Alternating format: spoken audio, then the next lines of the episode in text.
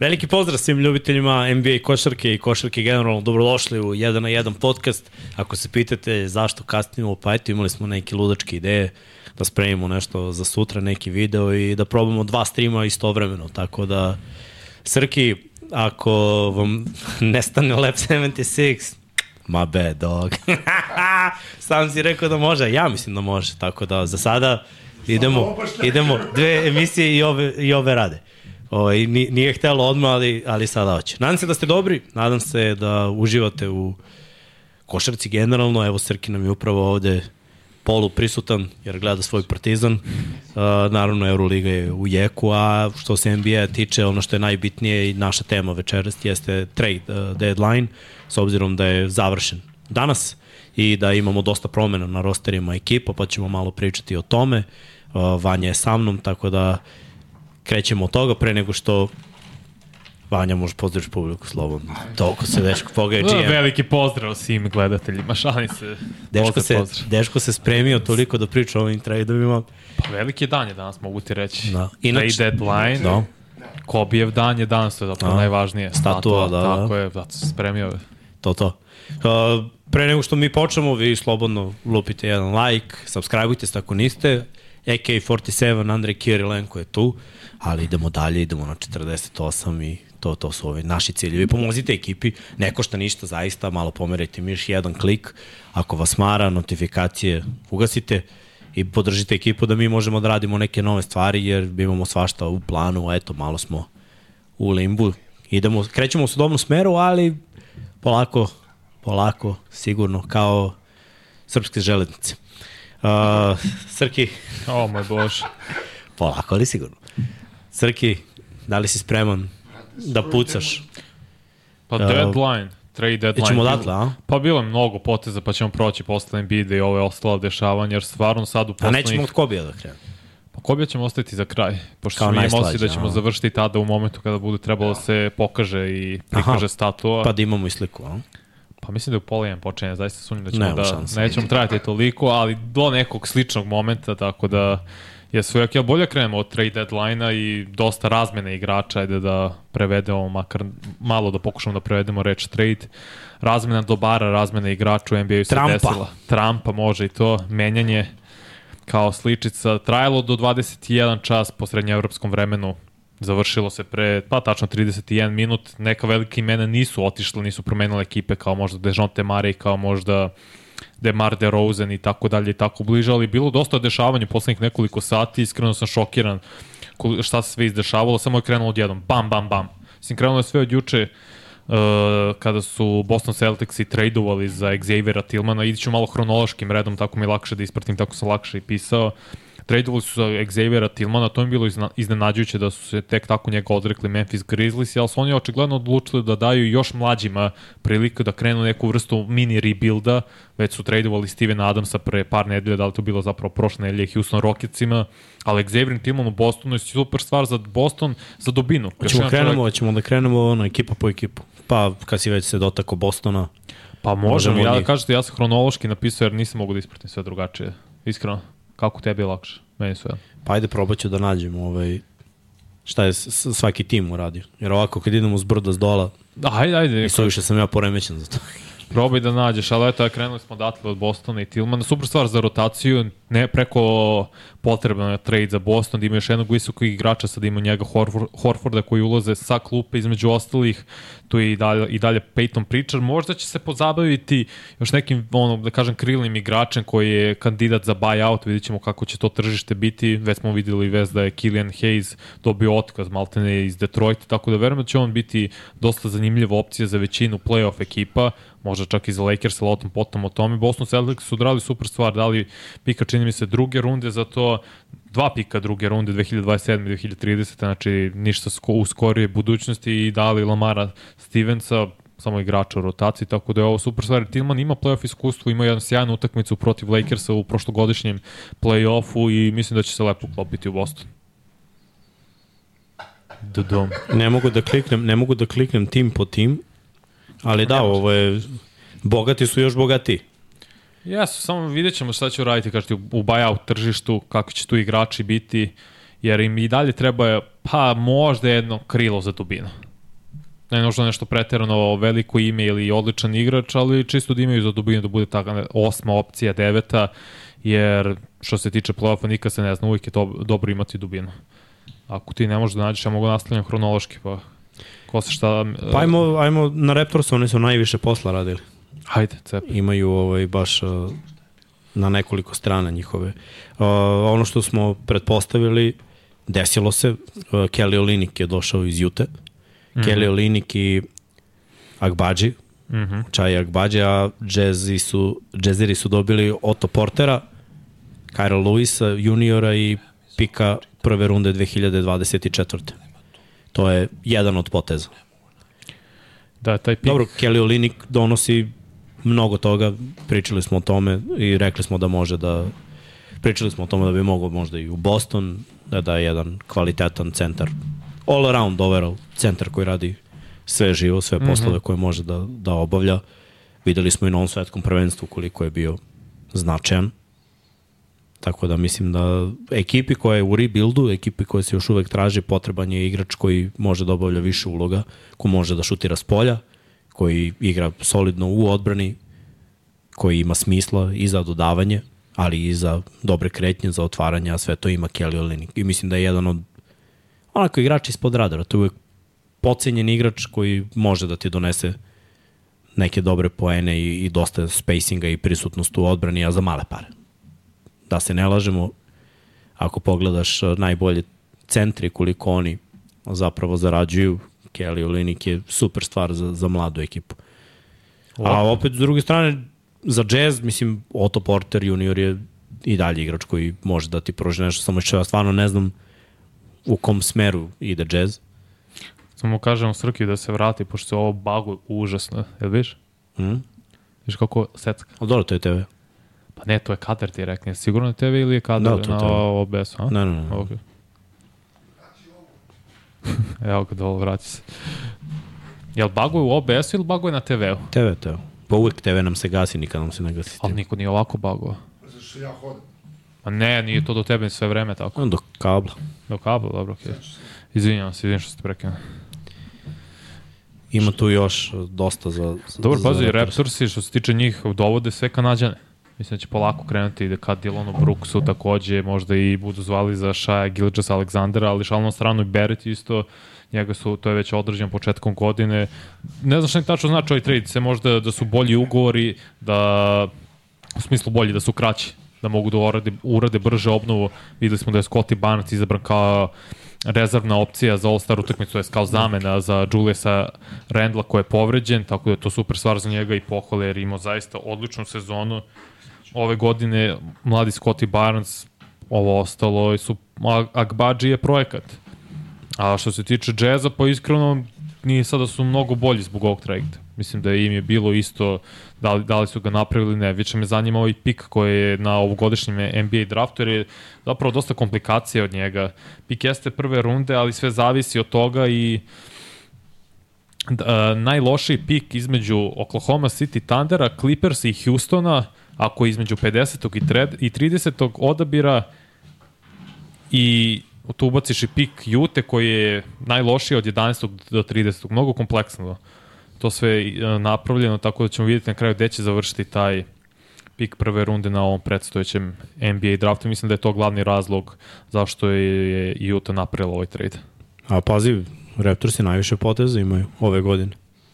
Znači još od uh, Sijakama, pa ajde da računamo i tu je bilo priče Bruce Brown, gde će Ostao. on da ide, šta će da se desi, ništa, ostao je.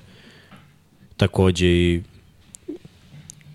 Anbora i, i Luis, da, pogledaj, u stvari, oni tehnički nikog nisu poslali dalje. Imaju dosta igrača, ne znam koliko će sve koristiti, to me zanima. Baš da vidim u sledećim utakmicama, u sledećih mesec dana ko će upasti u, u rotaciju. Pa Ima, do, ima dosta stvari koje, koje su oni uradili ove godine. A imaju priču za playoff, nije da nemaju. Pa mislim imaju, ali to je opet one and done eventualno. I kad kažem one and done, mislim da izgube play-in turnir. Pa nije to, mislim, ni to nije loše, ali ne mora da znači da će izgubiti u play-in turniru. Ne moram, mislim da iz, i da su trenutno u toj priči. Sa sve Beretom i sa svim Zapravo, potezima izvini, koji su... nisu, na- da oni su daleko od play-in turnira, 12. su trenutno i beže im Hawks je četiri utakmice. No, To je, polako. mislim, to je već sada, a kad smo već prošli 50 utakmica manje više za svaku ekipu, ekipu poprilična razlika te, tih četiri utakmice, tako ne znam zaista za šta im znači, jer je sad startna petorka i Immanuel Kvikli, Gary Trent, RJ Barrett, Scotty Barnes i Jako Poeltl, tako ćemo videti, naravno, Grady Dick je tu, on je Novajlija, koliko će doprineti Akbadžiša, koji ulogu će igrati uopšte Bruce Brown, jer ne Pa da mora će... neko, znaš. Mora šesti igrač da bude. Pa da, ali onda umanjuješ ulogu Novajle kog si ti draftovao, Gradija Dika, koji je manje više ove godine sve vreme u toj ulozi, šesti, sedmi igrač, a Bruce Brown sumnjam da će odraditi buyout zato što ipak to su prevelike pare za njega. Ne, ne, ne, što bi on radio. Njega briga on je zakinut. Tako da verujem da će ne, verujem da će ostati u Torontu, da će neće doći do toga kao na primjer Kyle Lowry u Charlotteu, što će skoro sigurno biti buyout i samo čeka moment kad će se pridružiti Philadelphia 76ersima. Tako da veoma zanimljiva stvari zanima me koji je, kakav je plan Masaja i Užirija u Raptorsima. 76ersi su tradovali Hausa u Pistonse. Odličan potes. Pistonsi su dobili Hausa, pika druge runde 2024. i razmatranje u kešu. A Fila je dobila pika druge runde 2028. Ne, odličan potez za Filu zato što su oslobodili cap space sad.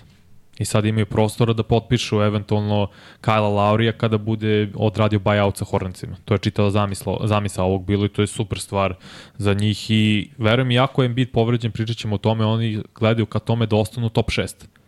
Da ne idu, ne podnu play-in turnir, da Mislim, odmah možemo da se ne dovežemo. Tradeovali su Markusa Morisa i Korkmaza i tri pika druge runde za Bade Hilda. Meni je to Da. odličan potez. To je fenomenalan potez i sad imaš potencijalnu petorku za playoff, Maxi, Hill, Kelly Ubre, uh, kako se zove, Tobias Harris i Embiid. Sva petorica mogu da šutnu za 3 poena, odličan će biti spacing, o, verujem da će opet i lopta dovoljno dobro da se kreće, da svako dobije pogled za koš, za šut, tako da meni se ovaj potez 76ersa i njihovog GM-a zaista izuzetno sviđa. Pričao si o Badiju i o tome da bi on mogao malo da promeni sredinu i evo desilo se na kraju.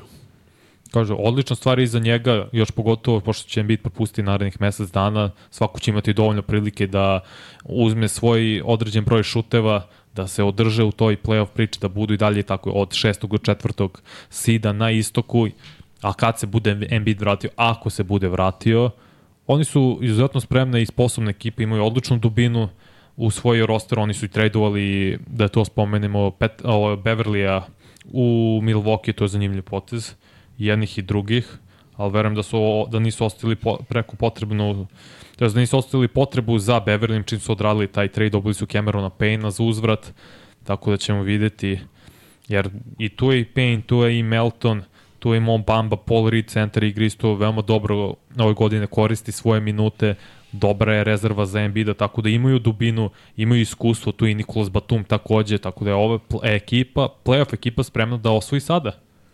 A nakon toga zadržali su fleksibilnost da sledeće godine manje više skoro niko od ovih igrača neće biti na uh, ugovoru. Maxi će morati da produži ugovor, samo je tu Embiid, tako da će imati dovoljno prostora u kepu da razmatraju budućnost da sagrade još bolji tim. Ali ova ekipa sad je takođe veoma, veoma dobra i sposobna da napadne makar finale konferencije.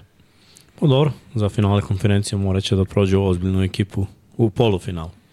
Ali da, ima, ima dubine.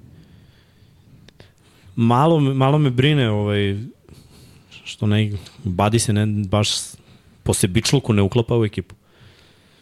Pa dobro, uklopio dobro, se mislim da- u da- Pacers-e, mislim, i oni nisu sebični, oni dosta se lopta kreće, svi šutiraju, manje više ne igra odbranu. Kad Badija kad stigne, više se ne kreće.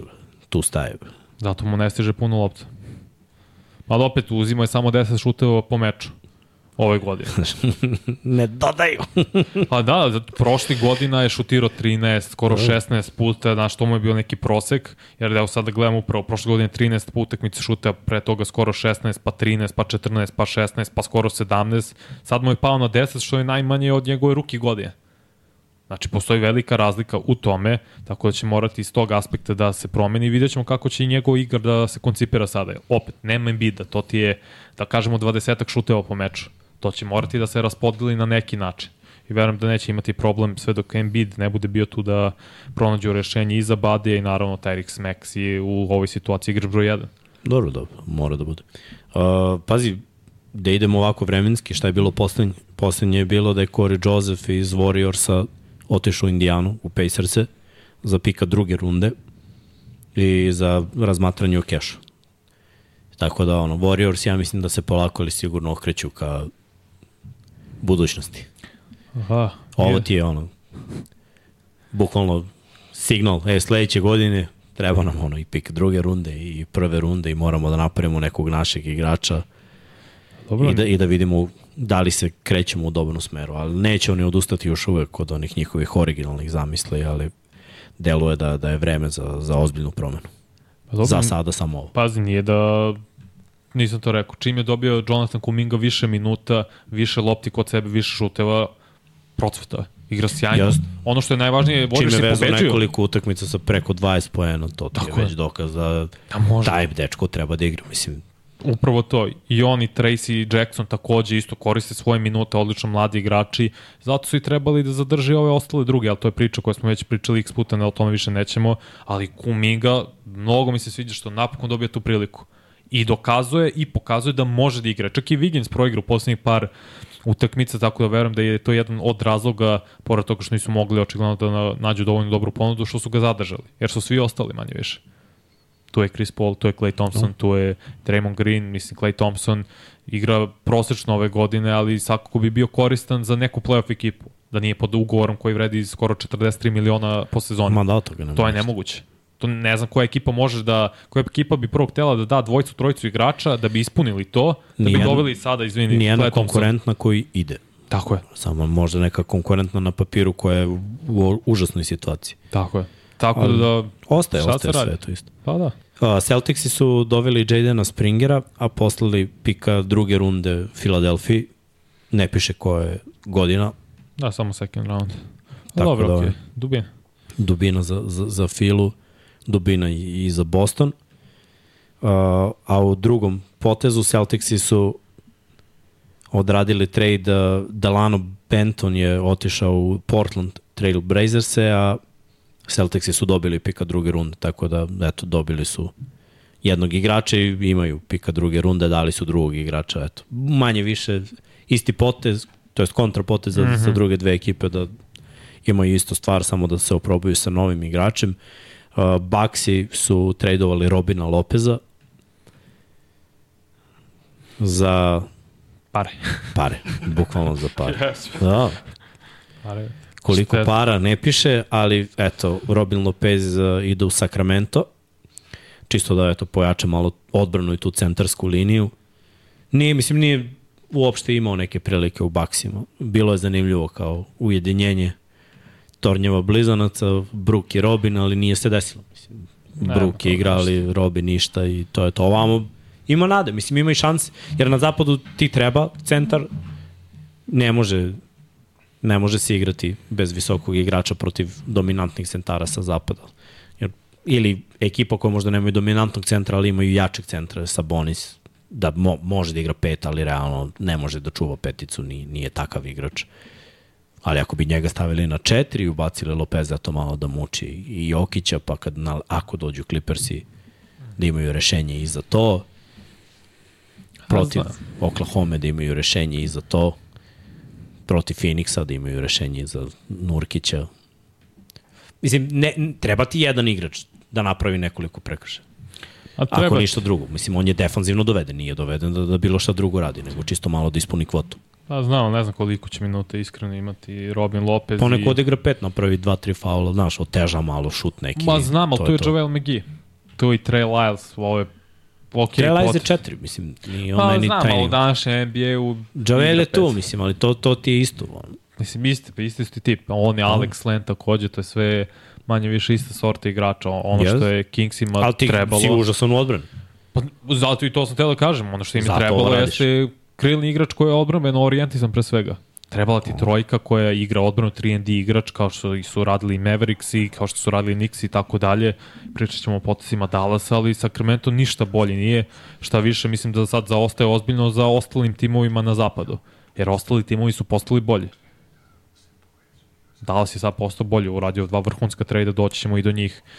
Denver je manje više ostao isti kao i ove ekipe na vrhu Sam, Oklahoma City Thunder i oni su napravili potez. I da, oni to su, ćemo, doći ćemo. Tako i Ajde oni su idemo postali po, bolje. po ovom vremenu, pošto ne mogu da nađem po timu. Da... Znam, znam, tako da zato neću da skačem u napred, nego hoću da kažem da Kingsi su sada u još gori situaciji nego što su bili juče nakon svih ovih trejdova danas na zapadu i iskreno ne vidim način kako oni mogu da izađu iz prve runde. Jer odbrana im je užasna. Dozvolio se Detroit Pistoncima, koja je najgore ekipa u NBA, da ti da 133 poena. Koliko god da su oni talentovani, gledao sam utakmicu tu baš sinoć jer je bila na kraju zanimljiva i Ivy je pokidao i verujem da je zato razlog što je Killian Hayes dobio nogu i Jalen Duren takođe igra sjajno ove godine, mnogo mi se sviđa on sa Memfisa kao centar, ali ovi ostalo da opet, to nije opravdanje da ti Detroit da 133 poena. To je baš katastrofa. Ne, odbrana mora da se popravi hitno, ako žele da urade nešto. Uh, Pacersi su doveli Daga McDermotta, to si rekao, da? Yes. Za Markusa Morisa i pika druge runde 2029. koji idu San Antonio Spurse. E, pazi, Marcus Morris je igrač koji je kandidat za buyout, veteran. Nje poslali su ga iz File u Indijanu i onda sada prešaltali u San Antonio. Verujem da će dobiti ili da će ga odmo otpustiti ili bit će buyout kandidat i tako da je to jedan veteran koji možda može da doprinese i dalje. Nekoj malo ozbiljnoj ekipi za playoff čisto opet znači veteransko iskustvo i u samoj slačionici, ali verujem da nema šta da doprinese toliko San Antonio i da će biti ili katovan ili da će dobiti otkaz ili da će biti buyout ili da će biti kandidat za ove playoff ekipe. A McDermott super stvar za Indijanu. No, Još jedan Šuter. koš getter, tako je.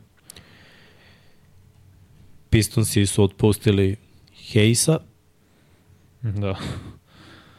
Čudi me da nisu mogli da pronađu trade partnera. da partnera samo za to. Trump. Verovatno su probali, nije se desilo, tako da je Killian Hayes slobodan. Koji ima dobru sezonu, ja, ja sam ga kritikovao na početku i možda bio malo grub, ali pokazuje u poslednjih meseci i po da on može da igra, mislim može da bude opet dobar igrač, dobar igrač u rotaciji za playoff ekipu. I to treba da vidimo ekipe koje se možda muče na poziciji beka, koje bi ono nije dosta značilo, ne znam da li bi značio Baksima iskreno, jer ne igra odbranu na tom nivou, njima treba nešto od kompletno koja je jedna kompletna druga stvar, ali iz ove ostale ekipe, možda čak i za Lakers-e, eventualno ta dubina na toj poziciji, možda za Timberwolves-e koji jesu napravili trade za Montea Morisa, ali opet, što da ne? Da dovedeš nekog igrača koji je dokazan u NBA-u, koji je poprilično se solidno razvio ove godine, možda čak i Boston Celtics budu uzeli to u razmatranje, jer im treba isto tako neki uh, combo back, tako da bit će tržišta za Kiliana Hayesa skoro sigurno. Patrick Beverly ide u bakse da pokuša da popravi te defanzivne probleme koje imaju u Milwaukee, a 76ersi su dobili Camerona Payna i pika druge runde 2027. Znate, iskreno, mi nije jasan potez Milwaukee Bucksa. Zašto su doveli starijeg odbrambenog igrača na toj poziciji kad su mogli da traduju za Denisa Smitha mlađeg iz Brooklyn Netsa, koji sa klupe igra toliko dobro ove godine, kida u odbrani, atleta je, može da čuva od 1 do 2, promenio je kompletno svoj ego i od nekog koji je bio u visoko draftovan igrač, sada je shvatio da ima svoju drugačiju totalnu rolu u NBA-u i to je i pokazao ove godine u necima da ulazi iz klupe voljno, igra odbranu, trudi se, koristi svoje prilike ofenzivno i to je trebalo baksima. Ali nema taj defanzivni pedigre koji ima Patrick Beverly i nema to iskustvo Ne. igranja na visokom Skroz- nivou defanzivno koji ima Beverly. Skroz je u pravu. Ali to je problem uh, NBA i GM-ova i generalno ljudi koji procenjuju talent i ko kako igra u NBA. Jer ako gledaš samo film, što bi rekao, tape, ako samo gledaš utakmice, Dennis Smith Jr., mlađi, pardon, i ove godine mnogo bolji defensivni igrač nego Patrick Beverly. Dobro, mada Beverly nije baš imao dobru situaciju ove godine. Složit ćeš se. Mi, isto su roli bili, jedan i drugi. Sa klupe su ulazili. Ali zašto bi išao ka Smithu, što je mlađi, zašto je bolji atleta, malo uh, veću konstituciju ima. Ali možda je potez na, do kraja ove godine. Ne, ne, o, ok, jedno i drugo je bilo. Onda ti je prosto sve jedno, jer Patrick Beverly je čovek uže specializacije. Sa Smithom dobijaš nešto više, sa Beverlyem ne dobijaš, znaš šta dobijaš. Reći ćeš mu čuvaš tog i tog i to je tvoj zadatak i izgini na terenu u čuvanju tog i tog igrača. Mislim da, da, da će to biti njegov primarni zadatak. I na šta, mislim da je ovo potez jer, jer se oni plaše ekipa sa istoka koje dolaze, koji imaju dobre bekove. Pa, Da, da, da je Pe Beverly dolazi tu da ih izmara, da ih provocira, to je ono što Smith po mom mišljenju nema, Beverly ima, Beverly je provokator Ma, o, to je i zna okay. da se unese ljudima i u lice i pod kožu zna da uđe. To su stvari koje kao šampionska ekipa koja već neko vreme ne može da ponovi uspeh.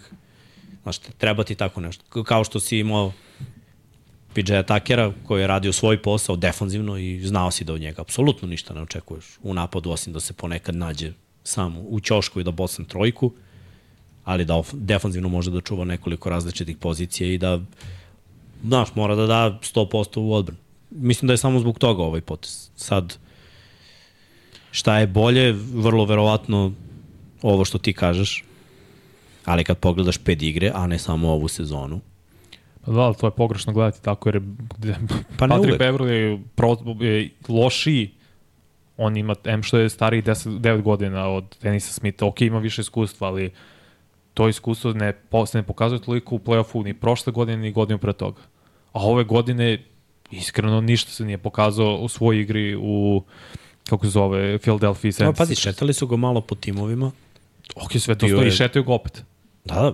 Ali Znači- nikako, nikako da pronađe ekipu gde, gde može da uradi znaš, ne, nešto što je onda radio, ajde da kažemo da su Clippersi možda poslednji tim i da u stvari Minnesota. Clippersi i Minnesota gde, gde pamtimo da, da je njegova ekipa uspela nešto da uradi. Da uđe u playoff, da odigra neku dobru seriju gde je on defanzivno bio na nekom dobrom nivou.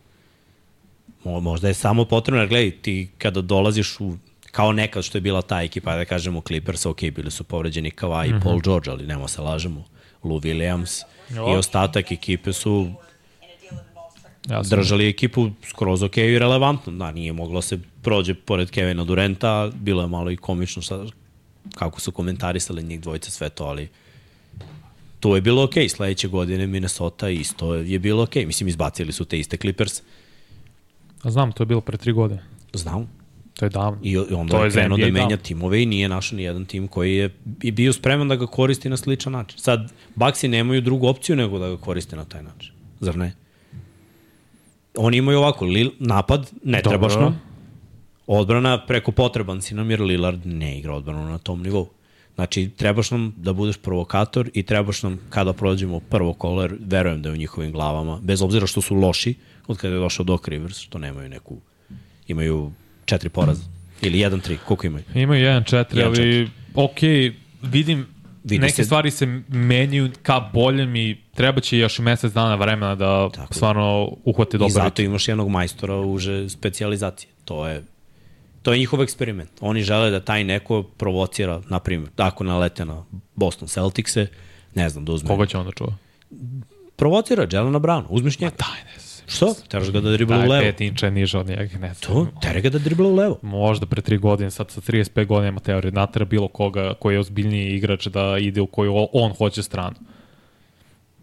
Ja ne, ne mogu stvarno prihvatiti da su, ako je to glavni razlog što verujem da si upravo zbog pedigreja i imena su tradovali za Petrika Beverlija, a nisu radili svoj domaći, videli da nevažno da što je Dennis Smith mlađi ili kogod igrač da je bio, da nisu uradili domaći, videli film i gledali utakmice, rekli, aha, ovaj dečko je ono što nam treba u reze, kao, re, kao rezervni igrač rotaciji, neko koji je fizički nadmoćniji, može da igra veliki broj minuta i dalje nije došao do svojih najboljih godina, pošto ima 26 godina, igrao odbranu na vrhunskom nivou I ove nikad nije igrao u sezone. playoff. Igrao tako? nije. Pa mislim, Mislim da je igrao. Da je imao Dallas, Knicks i... Mislim da ima playoff iskustva, evo sad ću vidjeti, možda si upravo da nije. nije imao na ovom nivou, mislim. Ne, ne, nije, okej, Patricka okay, zato Beverley. kažem, pedigre i iskustvo je na, nivo, To, na, na strani Verujem, ovo, ovo su takve poteze. Ovo je, ono, i Ali dok, to je meni besmisleno. ekipa, iskreno. ekipa je lobirala za ovo, treba nam takav, ne, znaš, ni, niko od njih ne gleda što ti kažeš toliko utakmice da, da razmišlja o tome, e, ovo je ove godine počeo da kida, ajde da ga dovedemo. Oni razmišljaju o tome, ovo je ime i lig zna da radi jednu stvar, da je da ga dovedemo jer nama treba ta jedna stvar. Jer pazi, bekova koji možeš da se plašiš na istoku u play-off. Philadelphia, Meksi, mora se plašiš. Miami, Hero, mora se plašiš. Mislim, Ali što ga Fila, što se Fila onda odrekla njega? I Fila može da ima slično razmišljanje. gledaj, Fila A nema... isto, isto i situaciji su. Nisu. Playoff, ne, kažem, ne, mislim ne, za nisu playoff defanzivno igraju. u toliko loše situacije. Nisu, nego igraju Mislim isto, da je će, isto Milwaukee- će igrati protiv ovih bekova što Da. ti sad navodiš, Fila bi isto trebalo da ali mislim da je Milwaukee defanzivno najgore od svih ekipa koje su Slažem se, konkurenti za top 4. Zbog toga, znaš, jer Fila opet ima neke načine da pokrpi neke stvari, Milwaukee ne. Mislim, bar po ovome što smo videli. Defanzivno je veliki problem. I znaš šta, svidelo mi se ono što je Šek rekao. Ovaj, u njegovo vreme, on prvi je za sebe rekao, nisam bio neki defanzivac, ali nije bitno da igram odbranu 100% u fullu svaki play svaku defanzivnu akciju. Ali mora da postoji ono dva minuta kada osetiš da ekipa radi ofanzivno dobro, da daš 100% ta dva minuta i da zaustaviš dve, tri akcije. To ima smisla. Znaš, jer od prevelike želje da sve vreme igraš 100%, zapravo sve vreme igraš loše. Mora da postoji ono usponi padovi, promene ritma, koliko daješ ofanzivno pa malo da budeš defanzivno na tom nivou na kom si slabijem i onda odjednom pa da ide bolji nivo.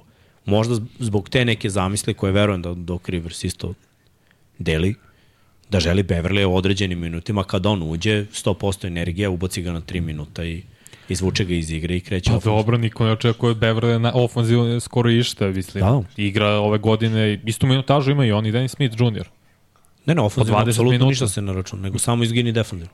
Zato mi to nije jasno, ali dobro, slo- složit ćemo se ovog da se ne slažemo oko ovoga, jer čak sam Ne, nego da šta ne slažemo se, ugovora. nego je samo do, do ovaj, imena. Tako to ide. Čak sam mislio da je do ugovora. I onda sam svakom- rekao, onda sam shvatio, ok, isti ugovor ima, malte, da, Da, da. veteranski minut. Nije samo od imena, verujem. Mnogo puta Znam, u pa NFL-u vidiš isto ovo. Neko igra dobro jednu godinu, a neko je, je ime koje je igralo dobro pre nekoliko godina, taj dobije šansu, a ne ovo što igra dobro ovu godinu. Da, to je loše. Zato što se manje gleda filma, više veruje u, u potencijal igrača. Mislim, ovo je peta ekipa u poslednjih tri sezone. Da, pa kažem, selio se dosta. I nije se pronašao od Minnesota. Ovaj povratak Chicago, ono, to je, mislim, bila lepa priča, ali... Nije se našao od Clippersa, jer ga i Minnesota nakon godinu dana šutnula. Bilo Brate, ajde bio ćao. je dobar u Minnesota. Ne, ne, jeste. Nego od tada kreće selidba i pešačenje Petrika Beverlija. Šta ima još? Uh, Sansi traduju Onila, Koga? Dobili su Roysa Onila i Davida Rodija, a Grizzliesi su dobili zamenu budućih pikova i Watanabea. A pošto je trade tri tima, Gde si to pročito? Ja to nije. evo sad vidim, u 1.18 PM je bilo. Sansi traduju za Roysa Onila, Dobro, okej. Davida Rodija. Grizzliesi dobijaju uh, future pick swap, znači zamenu budućih nekih pikova Aha. i Juta Watanabea, a Neci dobijaju tri buduća pika druge runde i salaries TBD. Super potez za Phoenix. Tako da, Ako to stvarno da, jesu. da, pa mislim, odličan potvrđeno. potez. Odličan potez za Phoenix zato što Royce Zato sam krenuo ovo po vremenima, jer kad Ne, sam krenuo ja od isto kuće, gledam to, nego mi ne, kad sam krenuo od kuće nisam vidio ove neke stvari. Da, ne, super, super. Odličan potez za Phoenix Sunse, pričali smo o Royce O'Nealu i generalno tim igračima kao što je on, Finney Smith, eventualno iz Brooklyn Netsa koji bi Cameron Johnson, jedan od njih, koji bi, John, Johnson, Johnson, koji bi mogli da budu tradovani doveo se igrača koji zna svoju rolu sa klupe, neko ko može da čuva trojke i četvorke, to mu je malo ne bilo uloga čitavu, se, čitavu godinu, čitavu bože karijeru i sad imaš dubinu, Gordon, on, imaš Bol Bola, tu je drugi Banks, ok, manje više, ali imaš ovu trojicu, Bol Bol, on i Pa dobro, Gordon. Rodi radi posao defensivno. Radi, Mislim, radi, krupan je lik, ono, mo može da uradi neki posao i onda, znaš, sad imaš dubinu, zapravo. jer Phoenix. Memphis, da se ne lažemo, Neci i Memphis ove godine ne pucaju na, na visoko i onda ima smisla. E, Bilo je dosta priča o Rodiju za, za Grizzlies, šta će oni tu da urade, jer je on bio na mnogim pričama kao potencijalni trade igrač. Uh -huh. I evo, desilo se. A opet e, nisu malo dobili, znači te zamene pikova i Watanabe, mislim, drugačije. Šta znam, ne, ne znam uopšte šta Memphis može da igra ove godine. Pa ništa. Memphis testira mlade igrače u suštini i nada se da će nekog zadržati za budućnost, da mogu oko njih da grade, da budu u rotaciji. Jer Neci razmišljaju isključivo na budućnost, jer, mislim, uzeti tri pika druge runde, ja ne znam, ja ne toliko sada, moram da prođem koliko oni pikova imaju draft kapitala narednih nekoliko godina, jer sada već kreće da bude na nivou džezima na, na nivou Tandera i tako dalje, jer stvarno sad prikupljaju draft kapital. Prikupljaju što više, jer shvatili da Oni realno nemaju to jest imaju jednog All-Star igrača i to je ono, na granici All-Star, to je Bridges. Seti se kad smo pričali na početku godine, ba, baš je bilo ovaj, da, da, ja nisam znao šta su oni. Iako je, mi je bilo simpatično prethodne godine, nakon što je Durant promenio sredinu, ipak e, ništa nisam očekivao ni u play-offu, ali realno gledano to je ekipa koja, znaš, ne vidiš da idu ni kao franšiza, kao tim u sledećih nekoliko godina, niti su talentom blizu prvih ono, četiri na istoku. Nisu. Ni blizu. I onda, naš, džabe bilo šta radiš ako ne možeš da budeš ni blizu prve četiri ekipe na istoku. To Dobro, ti si veliko odušan, nisu blizu top 6 ekipa. Dobro, nego i gledaj da si peti i šesti, opet po mom mišljenju ne treba da ulažeš mnogo. Tako je. Jer sačekaj da ove prve četiri ekipe malo oslabe, skuplje pikove za budućnost i onda kad oni dođu do salary kepa koji je prepun i da oni moraju da prave poteze, tad krećeš u novu kampanju. Znaš, ne, nema potrebe da se puniš sada i da gubiš godine na, na neke zvezde igrače kad nećeš ništa uraditi. Mislim, realno, Boston, Milwaukee, Miami, pa evo sad se pojavljaju nove mlade ekipe, Orlando, Indiana, znaš, nisi u priči. Filadelfija je tu već 5-6 godina sa tim pristupom i ništa se ne dešava za njih. Stalno imaju neke zvezde, stalno prave nešto, a realno ono, možemo da ih stavimo u konverzaciju top 4, ali nikad se ne ispostavi da mogu da odu do finala konferencije. Ono što je dobra stvar za Nece, sada gledam što se tiče Kepa, njihove situacije generalno za budućnost, da oni nemaju puno igrača koji zarađuju velike pare. I to je odlična stvar. Ti kad vidiš Bridgesa od, ajde gledamo samo narednu godinu, 23 miliona. Sličan ugovor ima i Cam Johnson takođe. Ben Simmons je tu najkritičniji, a realno nakon sledeće godine njeg, on je slobodan agent.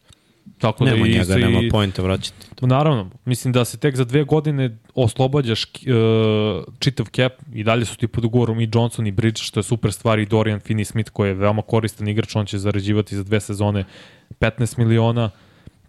Tu je i dalje Cam Thomas koji će od naredne godine biti slobodan agent, tako da imaš oko čega da razmatraš, imaš dovoljno draft kapitala da eventualno iskočiš na draftu ili da uložiš u neki trade za buduću zvezdu koja bude bila slobodna, sad pitanje da li će njima biti dovoljno privlačna situacija u Bruklinu. Ja smo videli prethodnih godinama kad god su pokušavali te stvari da rade, da dovedu zvezde koje su možda prvo bila situacija Paul Pierce, Deron Williams, Joe Johnson, Kevin Garnett, Brook Lopez koji je naravno bio njihov igrač.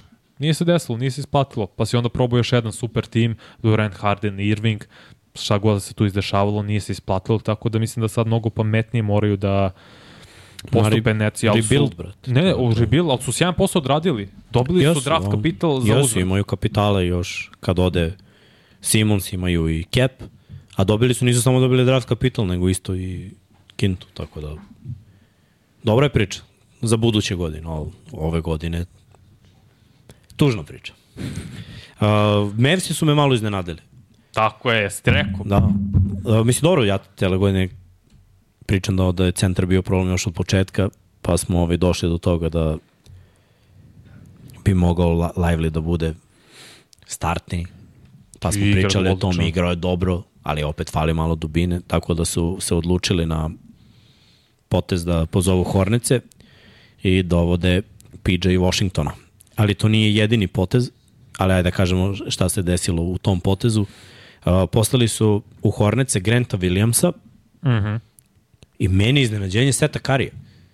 Uh mhm. -huh. Mislim, jednog pouzdanog šutera za tri poena, što je jako potrebno na zapadu da imaš jednog takvog šutera. Ajde, Grant Williams se nije naigrao, on je bio u Bostonu kada je dobio šansu faktor, ali onda eto prošle godine u nekim serijama u play-offu nije igrao mnogo, što je bilo iznenađenje. U nekim serijama kad je probudio demona Jimmy'a Butlera malo je naštetio svoje ekipe, ali očekivao sam malo bolju igru od njega i više minuta. Nije, nije se, se pronaš, nije se pronaš. Pazi, nije se... I dobili su i pika prve runde 2027. Hornici, tako da nije loše za njih.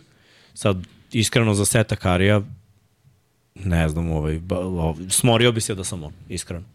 Dobro, on se vraća kući, u suštini. Odrasto je u Charlotte. Pa znam, ali ono, u, jedan od najgorih timova u ligi. Jeste, ali Seth Curry se ove godine nije pronašao, kao ni Grant Williams. Igra ispod 13 minuta ove sezone, loše šutira za 3 pojene. Nije to na nivou kao nije. prošle ili, pre, ili prethodne ili pre dve zapravo. A ni Grant Williams takođe. Koliko je njegov ugovor? Šta misliš? Seth Curry Da. Ne znam napad, moram da vidim. Izvini, sad ću, Klikni tu. Ja ne mogu. sad ću da vidim koji je njegov ugovor. Uh, uh, uh, set, set, Grant Williamsu ima, Vasa Micić je takođe u Hornicima. Da, da, doći ćemo do... Uh, ima još sledeću godinu. 4 miliona.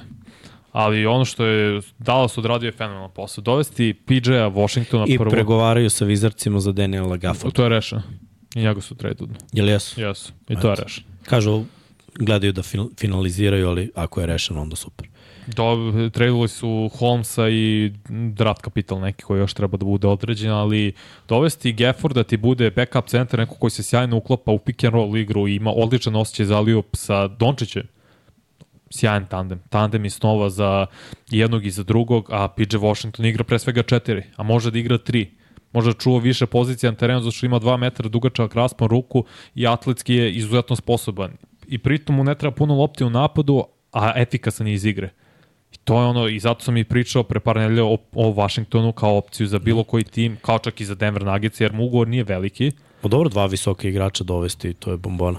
Ne, to, To je, im je trebalo to, je, centar. to, je, to je sada idealna petorka. I imaš Luku, Irvinga, imaš e, takođe Josha Greena koji se razvija i dalje na poziciji krila, ali tu je sad PJ Washington kao starter na četiri, Lively, Gafford sa klupe, Tim Hardaway, njega su zadržali koji je možda i glavni favor, favorit za najboljeg šestog igrača ove sezone. Bilo je dosta Dante- priča o tome da bi on mogao da ide Tako dalje, je, ali ali ništa tu. toga. I on će dobijeti još više lopte jer je otišao Seth Curry, Dante Exum i igra izuzetno efikasno ove godine, pozdrav za Srkija, jer stvarno se pronašao odlično u roli koji mu je pružio Dallas, tako da je Dallas opet iz prikrajka se pojačao ozbiljno, uglavnom i krači iz rotacijama da je Washington starter i vidim po Srkijevoj reakciji da je Partizan dala neki va- vrlo važan koš.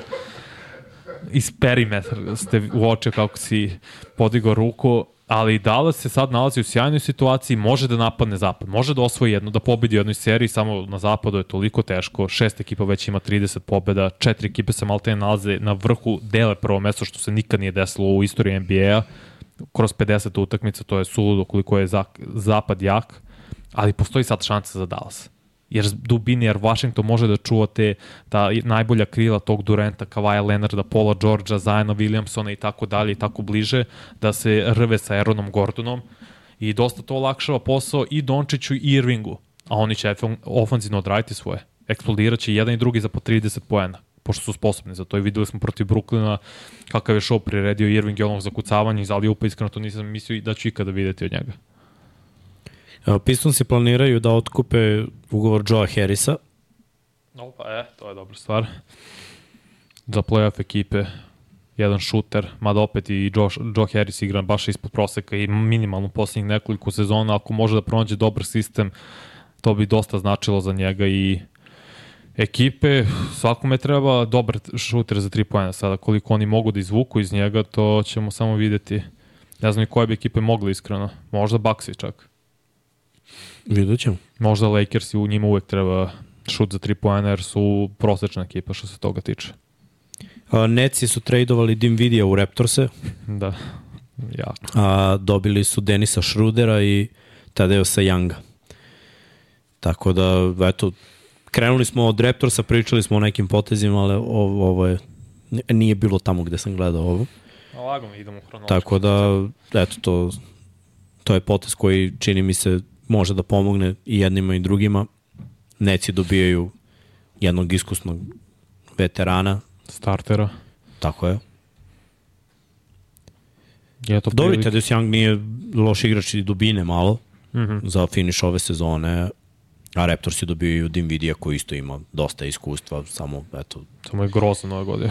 Da, pa, znaš, te, nije, nije ova ekipa za njega. Mislim, on je u karijeri imao jedan moment dobre igre, pa onda kad, je de, kad se desio ovaj Harden Kyrie Durant trade nestao je, Jesu ga katovali već? ne piše ovde. Možda. Ovde mi pišu samo pa će tradeovi, da ne pišu, Da, da, da. ne pišu kadro, katovi, kadrovi. Danas sam opsednut kadrovima, zah- zahvaljujem se srđanu. Uh, Nixi su isto odradili odličan posao i pričali smo o Bojanu Bogdanoviću da bi on mogao da bude igrač koji će otići u neku ekipu koji fali poenter. Kako Neko ko može da dođe i stavili smo, ja mislim, pet ekipa za, za Bojana Bogdanovića Nixi su bili jedan od tih pet, jedna od tih pet ekipa i eto, desilo se. Uh, tako da dobili su Aleka Burksa, takođe dobro pojačanje, Alec Burks i Bojan Bogdanović, uh, a Pistonsima i Devon Fournier, Malachi Flynn, uh, Quentin Grimes, Ryan, sad ovo prezime, brate, Znam, ne, ne, ne, ne pokušavaj. Znam da je oborio rekord kao Archie prvi... Diakono. Da. Ajde, tako ću ga nazvati. Prvi igrač u istoriji NBA koji je u 20 uzastopnih utakmica na koji je igrao nije postigao niti jedan poen. Eto. Eto. Dva pika druge runde Da, ustao. i keš. Znači, Pistonsi su baš orobili banku, a Knicks idu na sve ili ništa. Mislim, u njihovoj glavi oni su top 4 ekipa, Apsolutno, jesu. pa jesu bili dok je Randall igrao. Oro, U njihovoj glavi Rendla može da zameni produktivnost sa drugih strana i u tome mogu da im pomognu Bojan Bogdanović pre svega i, i Alec Burks. Uh, mene zanima da li Randall može da se vrati vraća se za par nedelja. mesec dana, a? Par nedelja. Još dve nedelje. Tamo posle mislim da će biti krajem februara. Evo, Odlično. To je to. Onda su konkurenti. Sa ovakvom ekipom, ovakvim rosterom, sad konačno imaju dubinu. Dve zvezde i Bojan koji uvek može da saspe, kažem, između 15 i 20, da ako možeš da imaš u nekom scenariju s klupe, mm -hmm. a da ostane malo i sa starterima, on je pravi igrač za to. Mislim da ove godine mi je bio omiljeni trade kandidat, jer stvarno mislim da, da ima to nešto što je preko potrebno. Jedan od Srki, koja je minutaža u podcastu, znam za Reels? 49.08. Nixi i Leon Rose, predsednik New York Knicksa, su odradili najbolji posao u poslednjih dva meseca što se tiče trejdova i dovođenja igrača, jer činjenica je da nisi morao da daš pika prve runde ni za Bojana Bogdanovića, ni za Aleka Burksa, koji je bojica šutiraju preko 40% za 3 poena ove sezone, je nerealno. To A je, pazi kakav potez na početku još da, da To je- sa, sa Raptorsima to je nerealno. da su poslali Bereta koji nije neki šuter da dovedu je. Nobija koji je dobar defanzivni igrač, znači da pojačaš odbranu koja ti je već bila dobra Jel. i sada pojačaš i šut za 3 poena pri ulasku ono, u play-off, zna koliko, dva meseca, dva i po meseca od Dva play-off, meseca. bolest. Leon Rose je genijalac, jedan koji je, M što Knicks imaju uh, cap fleksibilnost, to je prva stvar. Druga stvar, imaš sada dvo, dva, dvojicu All-Star igrača, Randall će se vratiti, Branson igra kao All-NBA igrač ove godine i sjajno predvodi ovaj tim. Postoji šansa da se čak vrati Mitchell Robinson na kraju sezone, što je još veliki plus, a Haverstein radi sjajan posao. I potencijalna petorka Nixa kada bude krenuo playoff, Branson, Divicenzo, Anunobi, Randall i Mitchell Robinson s klupe, Josh Hart, Burks, Hartenstein, Bojan Bogdanović i Precious Achivua. Samo jedna mala, brat, u svemu tome. Brat. Kako da skratiš tu rotaciju? To, to je To je na posao Toma Thibodeau i verujem da će nek, nečije... Slatke, to su slatke muke. a, Mislim, možda i ne E. moraš. Mo- Možda može, jer obično najozbiljnije ekipe spuste to na Osmoricu. osam. Ok. Da. Možda, Ovde, Ovde... mislim da će Achivua biti ono što kad bude krenuo playoff sve manje i manje minutaža. Da, ali imaš devet, naš devetoricu koju, na koju moraš Nema da se osloniš. Ali opet, Nađi, to su slatke rešenje. muke. To su slatke, slatke muke i rekao sam pre podcasta, mene ovi Knicksi podsjećaju na Detroit Pistons iz 2004. godine. Talent postoji, imaš all-star igrače, možda nije talent na tom nivou, ali igraš jako odbrani, odbranu, jedan si od najboljih defanzivnih ekipa, Anunobi je sad malo povređen ili on će se vratiti, ništa to nije ozbiljno. Ne, I sa ovim potezom mi se sviđaju više, ali ovo mi je falilo sve vreme. Cele sve godine mi je šut- falilo ovo. To je to. Neko ko sam kao koš getar s klupe može da stvara i šutira u visokom procentu. To je Bojan Bogdanović, a to je očigledno Alec Burks koji je sada već veteran koji igra možda i najbolju košarku poslednjih par godina, napokon se pronašao, pronašao svoju rolu u NBA-u. Nixi su spremni da napadnu NBA finale. Verovali no. ljudi, ne, možda to zvuči smešno, ali ja mislim da mogu sad da se nose sa Bostonom jer igraju odbranu na vrhunskom nivou. Ajde, Imaju- da, ajde da ih vidimo na parketu. ne, ne, na, papiru, na papiru deluje zastrašujuće, ali ajde da ih sve, sve vidimo to na, na parketu. ali jedino Boston ima bolju hemiju od njih trenutno. Milwaukee nema bolju hemiju. Mil... narušit će se malo hemija dolaskom Nema veze, vidjet nova ćemo. dva igrača koji... Kad je došao Nobi nije. Vidjet ćemo sad Da, ovo to je ostalo. jedan, sad dodaje još dvojicu, to, to je znaš, tri nove igrala, Ja ja, ne, ne, da je nije tu Randall, tako da njegovih Pa ajde da kažemo 20, 20 pa, šuteva. Ne znam sad tačno koliko da- u proseku, pa, ne znam, ja, ali- 17 do 20. Da kažemo 20 može da se rasporedi ovamo. Mislim, sad će morati da igraju malo brži pace. Jer su sitni. Ok, Morat će pa malo, dobro, malo ko, ko, pa nisu toliko sitni. Pa Randall donosi ono malo Dobro. Okay. poroću sa sobom. Nema, pa dobro, to je koja ti je potrebna, igraš Da, da. drugačije kad je on tu. Ali niko nije ovde sebičan toliko. Sad ljudi će možda reći, pa Randall jeste. Znate, njihov A lider, ali on kad dobije loptu, to on rešava, mislim. Tako je. Ti igraš na to da, da, da će on da radi. Nemam ja problem sa tim. Nemam kad ti spustim loptu dole, da mi ne vratiš nazad. Mislim, reši, Reš. to je tvoje. I rešit će. Mislim, Stvarno, ja sam iskreno oduševljen Nixima. Prvi put posle ne znam koliko godina. Možda posle decenije. Znači, oduševljen potezima New York Knicksa i Leon Rose stvarno je čovek fenomenalan posao odradio. Ja, inače, što se tiče onog poteza Dallasa sa Vizarcima za Daniela Gefforda, to je potvrđeno. A, Vizarci su dobili mm -hmm. Rishona Holmesa i pika prve runde 2024. koje Mavs imaju od Thundera. Da, zato što Tako je, da je dobra njihov ide stvar. Nixima, čini mi se. No, dobra stvar je za Washington da eto imaju E, ali Din vidi je prve runde. buyoutovan već. Već, a? Tako da je on slobodan agent. Pa Tako da eto još jedna prilika i Dallas je zainteresovan za njega. Dobro bio je on u Mavsima. Jeste, jeste. Pre Možda im što se tačno to vratio treba. Još jedan playmaker sa klupe. I Dallas je dobro zaletao, ne znam da li će to biti dovoljno na zapadu, ali ajde prećemo sad na druge ekipe, ali Knicks i, mislim, realno Knicks i Dallas su mi pobjednici današnjeg dana. Jer su doveli igrače koji su im bili preko potrebni na tim pozicijama i u tim ulogama.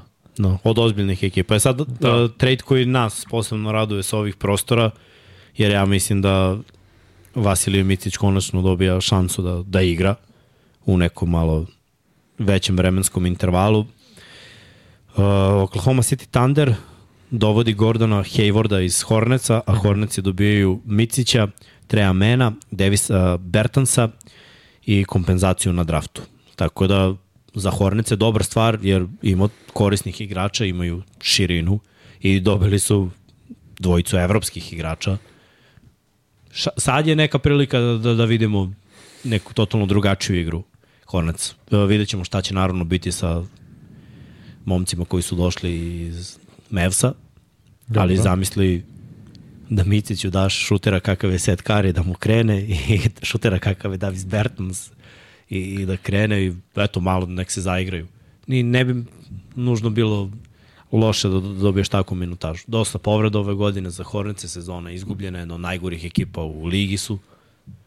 I realno gledano, ako sad neće malo da se igraju, kad će? Mislim, a dobili su naravno i pikove što njima znači za ovo prestojeće što ide da krenu sa nekom novom pričom i znamo šta se sve već dešavalo sa franšizom mm -hmm. i da su promenili malo i vlasničku strukturu, da su procenti sada drugačiji i da će se verovatno i birati drugačije i da, da će razmišljati kao franšiza neke stvari da urade drugačije. Dobro, Lamelo Ball dosta utakmice ponovo propustio ove godine, veliki broj, pola sezone maltene već do sada i zbog toga i Brandon Miller napokon počeo da sija i da igra na vrhunskom nivou. Igra kao igrač, kao što sam mislio da će biti Paul George, ta neka vrsta, beleži skoro 28 pojena u poslednjih šest utakmica, on uzima veliki broj šuteva, Miles Bridges uzima još veći broj šuteva, postigo čovjek u kratkom vremenskom periodu preko 40 pojena u dve utakmice, izgubili su obe, ali to je manje važno. Zanima me za Micića, kako će Vasa da se izbori sada sa Ishon Smithem, sa Nikom Smithom koji je Novajlija sa Arkansas univerziteta koji ima minutaže sa Setom Karijem dok je povređen Lamelo Ball. Da li može da izdvoji, da li tu može da se probije da bude uh, rezervni playmaker kada se Lamelo vrati? Jer je to njegov uloga. Mislim da, da sad mora da se izbori da, da uzme minute, inače nema Tako šanse. Sa, sad je To- trenutak, znači sad ili nikad. Upravo to. Opet ovamo nije imao uopšte neku po meni respektabilnu minutažu, nije se uopšte pronašao što smo i znali da neće, jer je onaj stil košarke brzo, ovaj stil košarke je termin košarka. Znači. Pa, Pa, Radi tako dobre stvari, budi efikasan, ima i prave asistencije i prava rešenja i igraćeš u Hornecima. Sve to isto da uradiš u Oklahoma, nećeš igrati jer mislim ima Nije ko da igra, ko igra pre tebe. Ovde- Ovde... Gordon Hayward, Thunderu, uh Mhm. -huh. pa može da znači. Mislim, znaš šta, meni je stvarno krivo, ja ne smatram da je Gordon, Gordon Hayward i meni bio jedan vrhunski igrač koji je on nakon one stravične povrede u Celticsima tek što je došao u Prvu Celticse i iz YouTube prvoj utakmici pao potpuno kao igrač sad. Šta on ima da ponudi, ne znam, sum, sumnjam da, sumnjičao sam dosta za njega. Trebalo bi da, da, da donese neku, neko iskustvo, neku stabilno, on je overall dobar igrač, mislim. I opet, da kažemo, solidno rešenje da ga staviš na trojku. A to će biti. Mi on ima minim, mislim, ima malo playoff iskustva, kad kažem malo, to je 29 utakmica u playoffu, 15 za Utah, 15 za Boston, ništa sada preterano. Pa dobro, Oklahoma, mislim, sad ulazi prvi put u playoff. Tako je, posle, zato će značiti donekle, ali... Sa ovom ekipom, u stvari, sa ovom generacijom. Mm. A ti si u pravu, sad sa klupe tu je Volos, tu je Jalen Williams, tu je Isaiah Joe, tako da imaš ti prostora sa klupe da Hayward da staviš u ulozi šestog igrača da on možda ima tu najveći broj šuteva, ali više, više će značiti kao zapravo prisustvo u slačionici, kao što si rekao. Njegovo generalno igračko iskustvo će dosta značiti igračima kao što je Jalen Williams, kao što je možda imam, Gidi. Ima on dobre priče, mislim, sad kad smo već pomenuli Kobija, bilo je njegovi neki intervju i priča mm. tome kako je naš trenirao, radio sa, sa Kobijem Bryantom i kako je dolazio na vreme, ono i ranije čak sat vremena i, i, i čekao da, da ono dobije bar ono delić znanja i kako je Kobe radio s njim i videlo se u jednom momentu koliko se ono predio, mislim, bio je u nacionalnom timu. Bio je all-star igrač na zapadu. Bio je, mislim, stvarno je na krenulo zapadu. sve na gore do momenta te prve utakmice za Boston kada, kada je bila strašna povreda, ono je užasno bilo gledati. Sjećam se, Srkidare su radili tu, tu utakmicu, a ja sam bio u, u režiji i, i gledamo ono i u fazonu sam i ja ne. K kako je doskočio, odmah mi se smrkao. Mm. Rekao, brate, je moguće ovo. Znaš, I posle toga se nikad nije vratio, ali dobro, eto što kažeš, ako s klupe bude uzeo neke šuteve, to, to. moglo bi to da bude zanimljivo.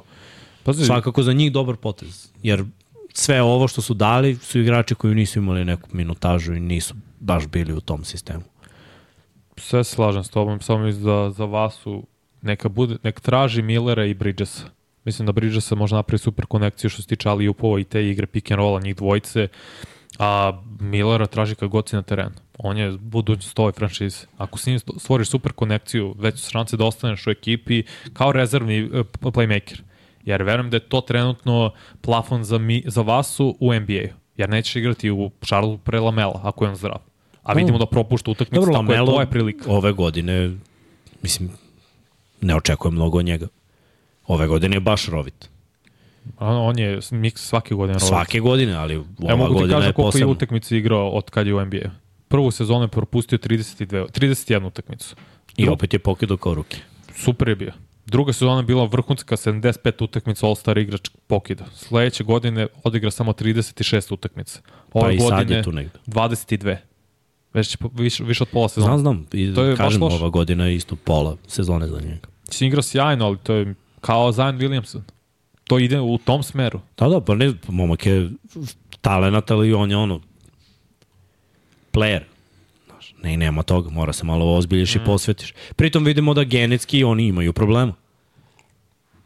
On sa zglobovima, brat s kolanima. Pa, to je, to je, ima i do gena. Znaš. Moraš da preventivno radiš mnoge stvari kako bi te to sprečio. Jer očigledno nisi stvoren da igraš na visokom nivou toliki broj utakmica. Mislim, ako nije ni tvoj stariji brat nisi ni ti E, do, se vratio na teren. Krenuo malo da šutira, da radi uh, ovaj vežbe iz driblinga, pa uzima dribling iza leđa prednja, pa šutne sa polu distance, tako mi to baš drago da Da može Just. da skoči, da se osloni na to kolano. Šta to je on je mladi dalje, mislim. Jeste što ima 26-27 godina. Da, smešno. Samo eto, meni deluje kao da ima 30 i da je hoda na štaki, pa bukvalno, što je užas. Uh, Sixersi su tradovali Hausa u Pistonse. To smo rekli. To smo rekli. Mislim da je to to. Dobili su ovu drugu rundu. Raptors je u Linika, to smo rekli. Sixers je Badija Hilda za Korkma, za Markusa Morisa, to smo rekli. Uh, nismo rekli da yes. su Timberwolvesi doveli Montea Morisa, a yes, Pistonsi dobili Troja Browna, Sheika Miltona i pika druge runde 2030. Dobar potez, uh, solidan potez, ja neću reći dobro, ako reći solidan potez za Minnesota, mislim da oni trebaju da budu kandidat za u ovom tržištu, buyout tržištu, da gledaju ka tome da ide igrače koji će potencijalno biti slobodni, jer fali im još neku sklupe. Mislim da i tu mhm. nedostaje rotacija. Da, Monte Morris malo ono, solidno, vezani okay. play, ima iskustva. Jeste, ništa spec. Pa ništa da. Igro je ono, o, meni, okej, okay, u Denveru, malo. Tu sam ga najviše ono, gledao. Može da uradi neke dobre stvari. Može, nije to Ali ne, nije Minnesota u ambicijama uopšte da on bude sa nekom velikom minutažom, nego samo da se ojačaju malo, da budu du, na dubini jaki. Xavier Tillman, Rekli smo za Boston, smo to, rekli. je prva stvar koju smo rekli. Lamar Stevens. A, Simone Fontecchio, došao žute. Pi- Pistonsi cepaju po Evropi. Dobro, Fontecchio je meni opasan igrač. O, jes, kako ne. Uh, Kevin Knox mm Mhm. -hmm. i pik uh, druge runde 2024. idu u Jutu. I Gabriel Prosida, takođe. Dobro. Fonteko je meni zanimljiv igrač, jako. Moglo bi to da bude da bude gotovo. Mislim, sad Pistonsi su dosta uradili u ovom trade deadline-u, dosta se promenila ekipa. Pa me dobro. Zanima ko će dobiti koju minutažu, šta će biti. Pa forsirat će i sada opet Kejda Cunninghama, naravno on je igrač broj 1, forsirat će sve više Jaden Ivey koji je pokazao da može. Samo je trebalo vremena da i, i prilika, pošto si inoć pokidao protiv Sakramenta, imao 37 poena uz 6, ja mislim, ili 7 asistencija, tako je bio odličan, stvarno odigrao sjajnu utakmicu, ali opet imaju mlade igrače, tu i Seser, Markus Seser koji pokazuje kao Novalja da može da bude veoma korisni igrač rotacije, sad kad su i doveli i Sheika Mil- Miltona i Quentina Grimesa, vidjet ćemo kakva će tu biti stvar. Ono što me zanima i shvatio sam onda da ne znam, nisam, to jest nisam provere zapravo, to je moj loš određen posao. Gledao sam sinoć ovog Majka Muskalu, znam da je bio tradovan iz Washington Detroit i razmišljam koliko koristan igrač zapravo za playoff ekipe.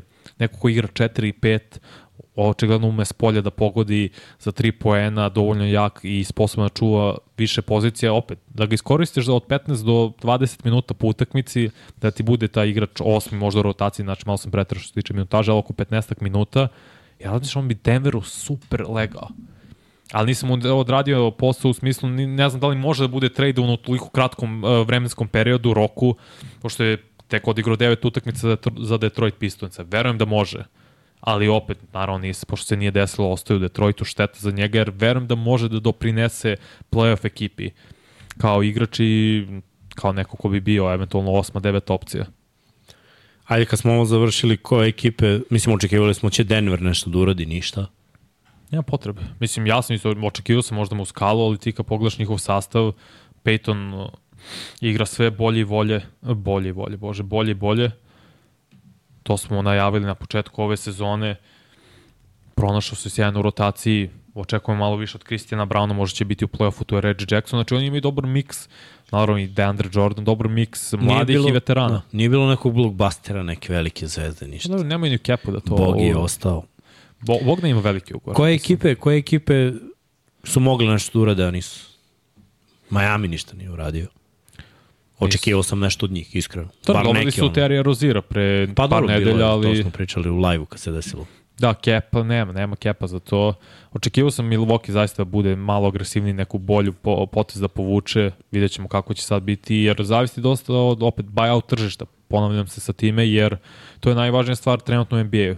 Sve, sve se češće to radi u poslednjih 4 do 5 sezona, verujem da će uraditi Philadelphia još bolji posao dovesti Laurija. Lakersi ništa nisu radili što mi se sviđa. Jer DeAngelo Russell je proigrao u poslednjih dve nedelje od kad je njegovo ime krenulo da pluta po trade pričama, rekao je, aha, moram sad da se ozbiljno. Evo da sad ću krenuti šutiram kako treba. Pa da, i on je igrač koji je najviše pogodio trojki za Lakers ove godine. On jedini šutira preko 40% za 3 poena. Da se ne lažemo, nije baš da imaju mnogo Zato i kažem, šutera. ne bi, nije, Mislim, te- nema smisla da traduješ uh, njega Jes. za Dejonte Amarea, koji Te- nije šuter. Da, nisam ja ni mislio da Ne, znam će da to da ti, bude nego trade. to je priča glavna. Da. Eto, bilo su uludo. Dejonte mi je dobar da dođe tu kao dodatno, ali ne bi dao ne bi dao dilo, nešto drugo bi menjao. Ali ja sam o, ogrešio sam se u prošlom podcastu, podcastu po, prošle epizode. Rekao sam da će da ih očepe Celtics i da će da ih očiste Knicks. Nije se desilo. LeBron Davis nisu igrali protiv Bostona, Austin Reeves poludeo, pobedili u TD no. Gardenu. Dobili Nixe, ne znam kako, mada rukom srce nije igrao, ni Randall nije igrao, ni Anunobi, veliki broj povrata su imali Nixe, ali svakako. Tako da Lakersi su najveća enigma u NBA, jer oni kad žele, oni mogu da pobede bilo koju ekipu ali u, uglavnom se nalaze u nekoj čudnoj fazi da je gube i od mnogo loših ekipa nego što su oni. Mislim da su dovoljno sposobni da uđu u playoff, imaju dubinu, kao što smo pričali na početku sezone, samo moraju da pronađu bolji ritam. Da se bolje uloge raspodele igračima, jer očigledno kada ne igraju ili AD ili LeBron, oni izgledaju bolje, jer drugi igrači dolaze više do izražaja. Dobro, to, toga uvek treba. Malo treba imati balans i dok se igra. Uh, Srkane, pre nego što pređemo na novu temu, evo je, mrtva trka na zapadu ko će na kraju sezone završiti na prvom mestu. Dobro, a ja ću brzo. Uh, 200 vas je u live-u, a 76 lajkova, ni 50%. Užas. Užas. Da ne radimo to tako, bar 50%. Mislim. Evo, daćemo neke pikove 2030. Pika druge runde za, za lajkove. Malo moramo da se zavrtimo bolje. Ovaj, a subscribe-ove to isto bi bilo cool. Ako gledate, a niste subscribe-ovani, jer tako kaže analitika. Ne izmišljamo mi ništa. Uh, kako su odradili Timberwolves i ovo? Ko to, je to pitanje? Eto, kad smo, pa ne, pa evo, mislim, idemo, Konstatacija. koje ekipe mogu da završe na prvom mestu, u principu može i Minnesota, kako su odradili oni trade deadline, ništa posebno. Mogu da ti pročitam stanje trenutno na zapadu. Monte Morris je ono... Ako imaš Da, pokazano da, bolje. cepi. Pa dobro, zapad je baš zanimljiv. Ja i dalje nemam jasnu sliku ko bi tu. Ali sad je važno, u stvari, sledećih mesec dana će stvoriti Daj mixing kader. najjasniju, najjasniju sliku. Nemoj da E. daš moj kad. Daj da nam, otvori. daj nam tabelu.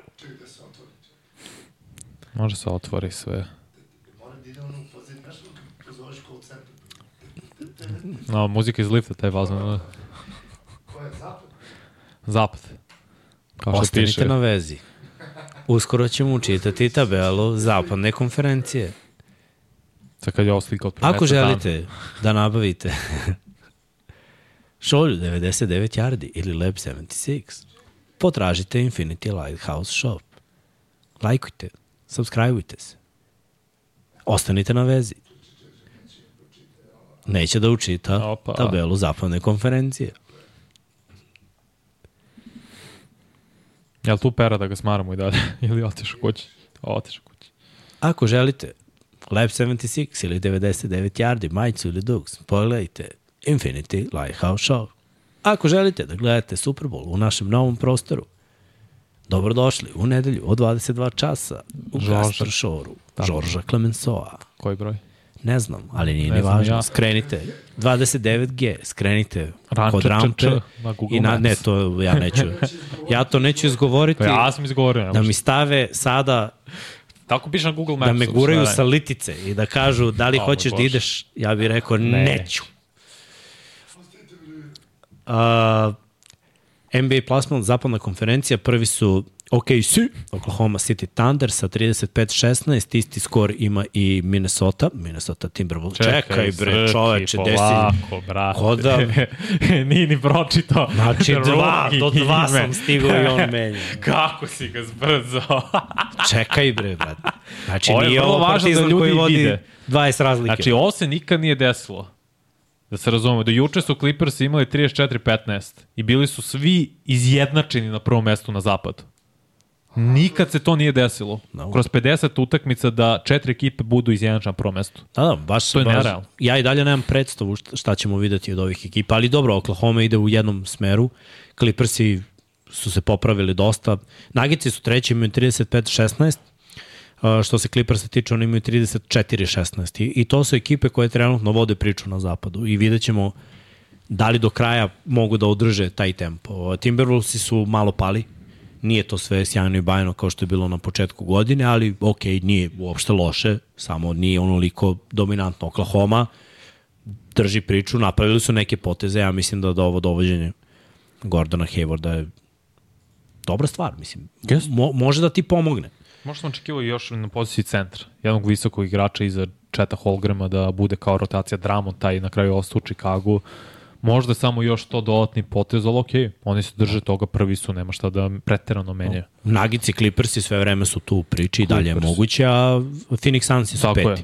je, 30-21 i oni su skočili u posljednje vreme. Eto, to, Popravili to su. smo Ali rekli. dobro igre, ja znaš, sad, sad su kompletni. Sad E, pa vidimo to- kad igra i Bill i, i kad igra Booker i kad igra KD. To zato Dru- smo Druga je priča kad imaju ono. Treba nam vreme. igra. Treba neki 15 utakmica, 20 njih trojice zajedno i sigurno su od- dalje odigrali 20 zajedno, ali veći uzorak da vidimo šta su. I Grayson Allen kida. Posjetimo šta su uradili oni sa mnom. Trade. Rekli smo, zaboravio sam. Uh, Treba će mi neko vreme da za zapalim. Royce O'Neal, dobro Royce su Royce O'Neal, da. kao rotaciju, kao igrača koji će biti primarna, njegova primarna stvar će biti da čuva najbolje protivničke igrače kada bude bio igri. Trojke, četvorke, Kawhi Leonarda, Paula Georgia. Da, da. Šesti su, evo Srki sam možda pustiš od šestog do desetog. Šesti su New Orleans Pelicans. Sjajna stvar za njih. Opet 30 pobjeda, 21 poraz kao Phoenix. Nisi ti sad nešto u lošoj toliko situaciji što su, nego što su ove prve četiri ekipe u mnogo dobroj situaciji. Da se razumemo, ovo je super stvar za, za Pelicans. I pobedili su sinoć Clippers. Da, vidimo niz od uh, četiri pobjede. Kingsi su sedmi, imaju 29-21, mali pad u odnosu na prethodnu sezonu, zbog toga verovatno ovi neki potezi i želja da se pojačaju malo na visokim pozicijama. Uh, Mavericks i Dallas Mavs su osmi, imaju 28-23, imaju niz od dve pobede i vidjet ćemo da li će ovi potezi koji su oni napravili ovaj, doneti neki benefit. Rešili su se par dobrih igrača, ali ti igrači nisu baš imali sjajne sezone. U dresu Mavsa, deveti su Lakers, imaju 27-25, deseta Utah sa 26-26 polovičan skor, ali sve ove ekipe, posljednje tri koje sam pročitao, imaju niz bar od dve pobede. Zapravo jedino Sacramento ima neki loš trening sa, sa dva poraza mm -hmm. u nizu. Sve ostalo je skroz okej. Okay. Dobro, Lakersi, iskreno da budem, kako, pošto su imali ovaj niz od šest uzastopnih gostovanja, su prošli sjajno. Četiri pobjede, dva poraza i mislio sam da će biti mnogo gore. Dobro, oni nemaju kad da odgovaramo malo na ono pitanje koje je bilo mm -hmm. kao segment, koje ekipe imaju šanse. Pa četiri prve ekipe. Apsolutno. Uh, da Phoenix... sam mislio da biraš između te četiri ekipe ko će na kraju završiti kao prvi seed. Ne ko će biti u finalu, nego ko da, će završiti kao prvi seed. Kao prvi seed, pa znaš šta, ja, ja verujem jako u ekipe koje imaju neko iskustvo. Tako da moram odmah da, da otpišem Minnesota i Oklahoma. Jer to nisam video ni na početku godine. Mm -hmm. I mislim da ću zapravo ostati pri onome što sam video na početku godine. A ta projekcija je bila Denver, broj 1 i broj 2 Clippersi. Bez obzira što je bilo ono dosta padova u sezoni, što se sve izmenjalo, to su iskusne ekipe sa iskusnim igračima, ekipe koje žele da imaju prednost domaćeg terena i da idu daleko u, u playoff. Uh, Denver je ekipa koju najviše gotivim, taj stil košarke mi je najlepši koji oni igraju i kada bi svi bili zdravi, kada bi sve bilo u fullu, a mislim da će sad doći taj moment da, da je sve ono, da se sve kockice sklope, da je to ekipa koju ću ja najviše bodriti. A, Clippersi mislim da imaju najbolju situaciju da budu broj 1. Jer je sve kliknulo, svi su zdravi, imaju možda bolju dubinu od Denvera. Mm -hmm. Ako gledamo potencijal svih igrača, jer Denver kada svi rade dobre stvari, jako ih je teško zaustaviti, ali kad pogledamo šta može pojedinačno da donese svako od te velike četvorke Clippersa, to je zastrašujuće. Naravno, neće se to desiti uvek, ali opet opa, opasni su to igrači. Tako da te dve ekipe su po mom mišljenju broj 1 na kraju regularnog dela sezone. Respekt za Minnesota i Oklahoma, ali mislim da, da je nerealno biti u ovom ritmu do play-offa. Do uspeh, je, uspeh je uopšte za Oklahoma ući u play-off uh -huh. i biti u top 4, što mislim da mogu da ostvare. Za Minnesota oni su prošle godine ušli u play-off, ali mislim da je za njih ove godine želja da budu ono, top 3-4 ekipe. I mislim da je jako lako ostvariju, a, ako se niko ne povredi. Naravno, zdravlje prvo, probitna i najvažnija stvar za sve ove ekipe. Slažem s tobom, pro, pričat ću više o Clippersima, ja sam oduševljen kako oni igraju. I stil kako igra lepota, lopta se toliko kreće da nema onog momenta da je samo ili James Harden, samo ovaj ili samo, nema momenta moment u smislu rotiramo, sad ja igram jedan na jedan, pa ti, pa on i tako dalje, pa u krug, ne, oni stvar, zaista igraju timsku košarku, sve pohvale za Tyrona Lua koji radi odličan posao, vrhunski NBA trener, napokon je i on sazir u toj situaciji gde kad je bio trener Clevelanda Maltene bačen u vatru, u njegovoj prvoj godini dao svoje titulu, ali je napredao i svake sezone nakon toga i sada je stvarno postao odličan NBA trener. Kawhi Leonard igra na MVP nivou, niko nikada nije imao efikasnijih 30 utakmica, ne računajući sinoćnu utakmicu protiv Pelikanca, da je čovjek šutira iz igre, Na to je u životu nisam vidio. Preko 90% za bacanje, preko 50% za 3 poena, skoro 55 ide ili možda čak 57% iz igre. To je najefikasnije što je bilo ko ikada šutira u NBA, a to je ogroman uzorak, 30 utakmica od decembra, od 2. decembra.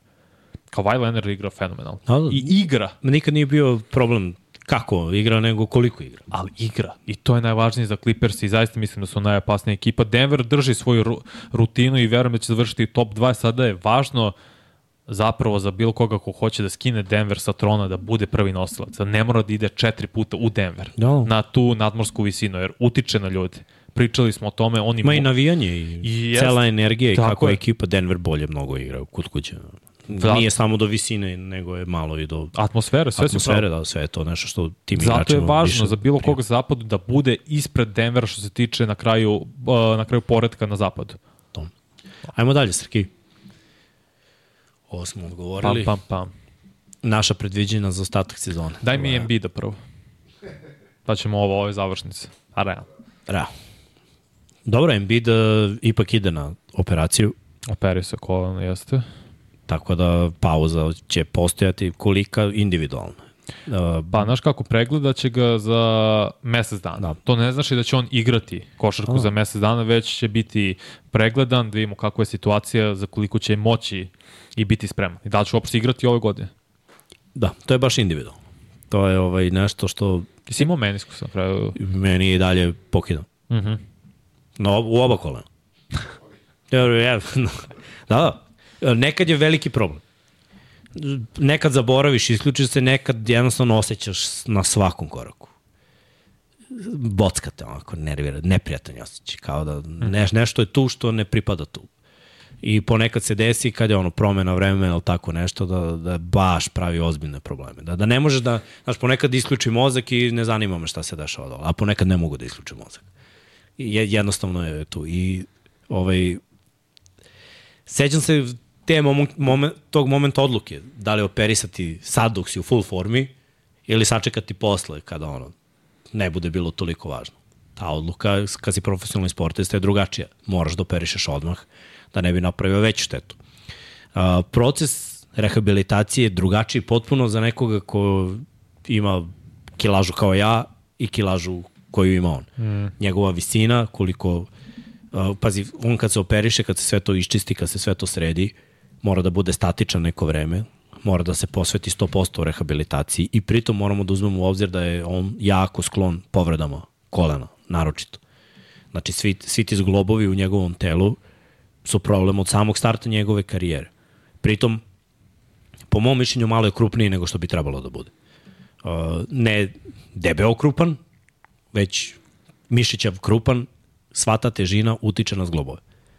To može da bude problem prilikom uh, rehabilitacije. Da njemu ta težina prija, da igra s njom, ali kako vreme prolazi vidimo da je tendencija mnogih igrača više da budu slim fit nego da budu na, nabijeni, teški i jaki. Ta, ta era je prošla.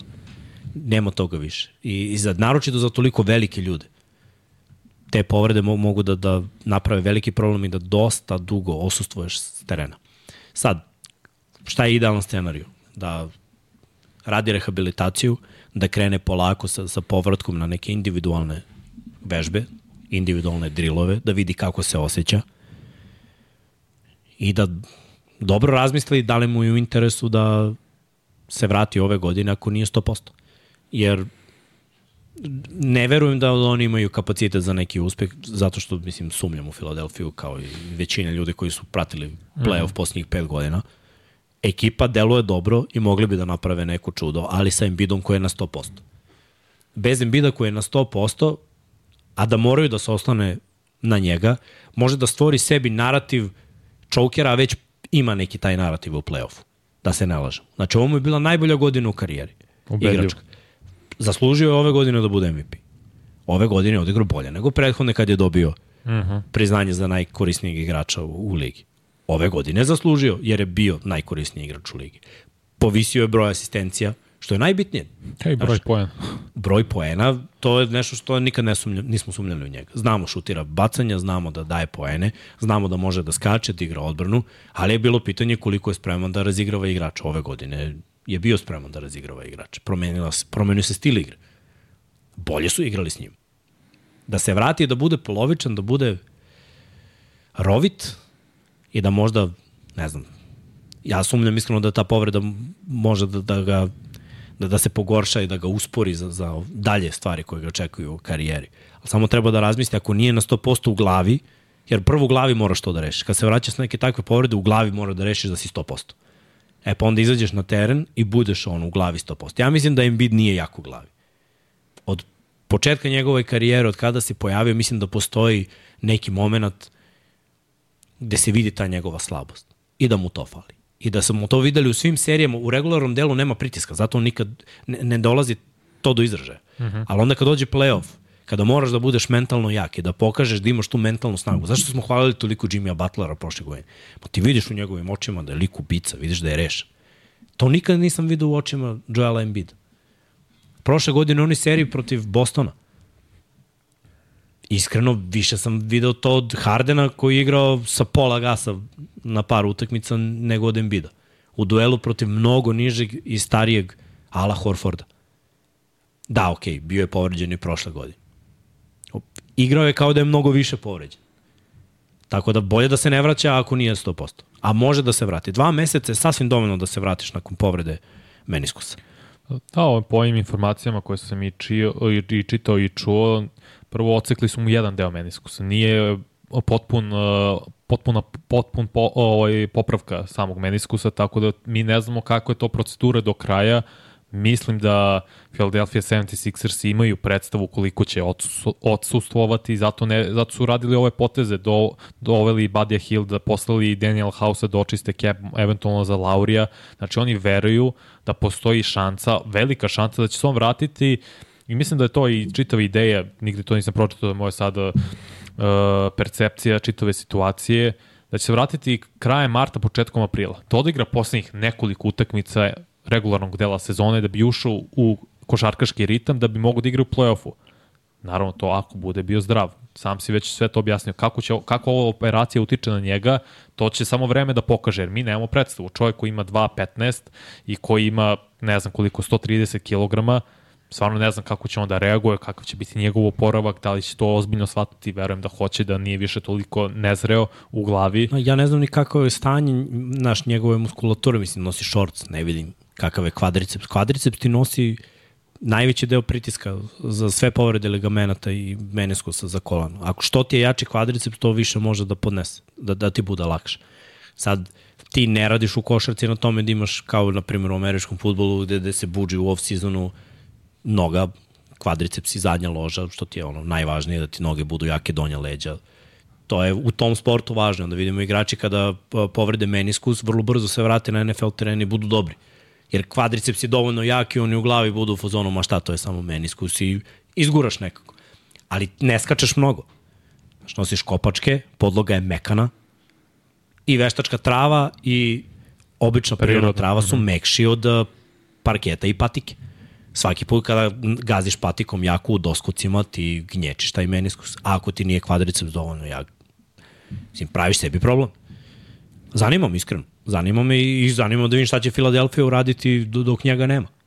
Ova je signalizacija da su oni spremni da idu all in za ovu godinu. Znači, opet doveli su i Hilda koji možda postiže 20 pojena po meču, Max igra sjajno, tu i Tobias Harris, Kelly Ubra, sve su to koš geteri. Znači, neće im nedostajati nužno postignuti pojene, već samo utica Embiida na igru. Ali sa ovom ekipom mogu da izdrže da budu blizu šestog mesta.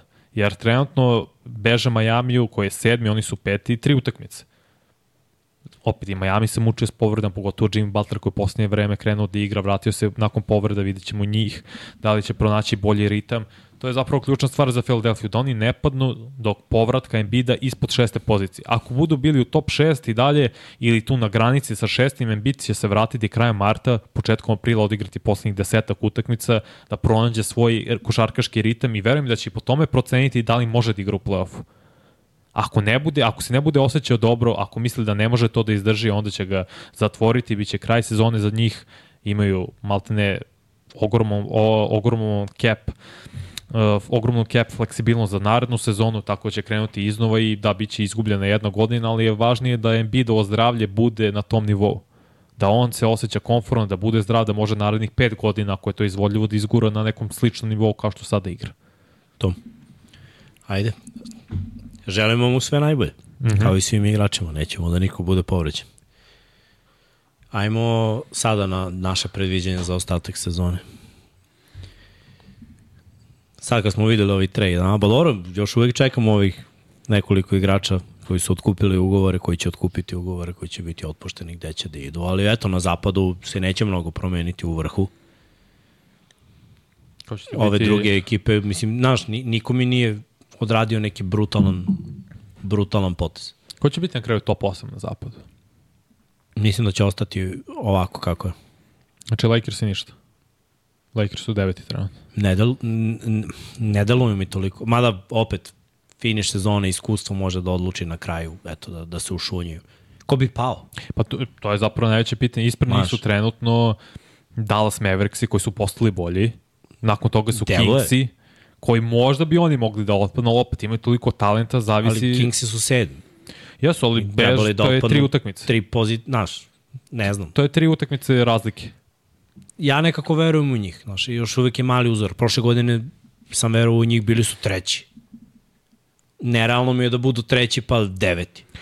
To je sad lepota play-in turnira, jer Mm. oni bi igrali prvu utakmicu s Dallasom. To ne znamo šta će se desiti. možda ne uđeš u playoff. Upravo to. Mislim da, da moraju da budu svesni da neke stvari moraju da se promene. Ali dobro, nije nemoguće, daleko od toga da nije. Samo naravno. meni deluje da su Lakersi tu tanki da imaju iskustvo. Dallas mi je bolje tim Luka igra brutalno ove Jesu godine. igra sjajno. Kairi uopšte ne igra loše ove godine. Samo nije igrao dovoljno. Igraće, verovatno je ispunići tu, možda će ispuniti Oni kvotu. su prošle godine na tri nedelje pred play-offa bili peti. To pretera ga sad. Ne u februar, u februar su bili peti, kad je bio, kad su tradeovali za Kairija. Nakon toga su blago pali. Nije baš tri nedelje pred playoff. Mislim da je bilo tako tri nedelje mesec dana. Znam da sam s Lukom i Kuzmom pričao o tome da i samo odjednom žuf, Probat ću da nađe baš koliko, kako je. Pogledaj koliko su se držali prošle godine.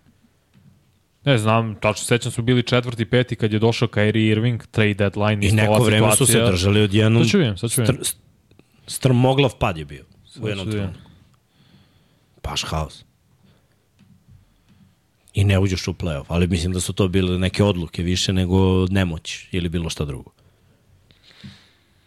Pazi, oni od, ajde da kažemo, ajde da kažemo, od 11. od 12. februara, 1, 2, 3, 4, 5, 6, 7, od 12. februara imali su samo 8 pobjeda. A imali su mnogo poraza, da ne brojim. Znači 3, 5, 6, 9, 13, Da, možda, 18. možda grešim. 8, 18 su završili godine. Sećam se u jednom trenutku da sam bio u fazonu sigurni su u play-off. I odjednom posle toga, za mesec dana, od sigurnih u play-offu bio sam u fazonu šta rade ovi. Ne, ne, Tako od da ove godine ne verujem da će se kod nas da, da propuste Mersi dva puta za redom playoff i da igraju play-in, ja ne mogu da verujem u taj scenariju. Kad Luka igra ovako dobro. To mi je malo nerealno. A rade na tome da poboljšaju roster i sad su se počeli na neki način. Mislim da, da su pokušali da ojačuju svoje slabosti. I da će Luka i Kairi morati da nagaze gas jako do, do, do kraja.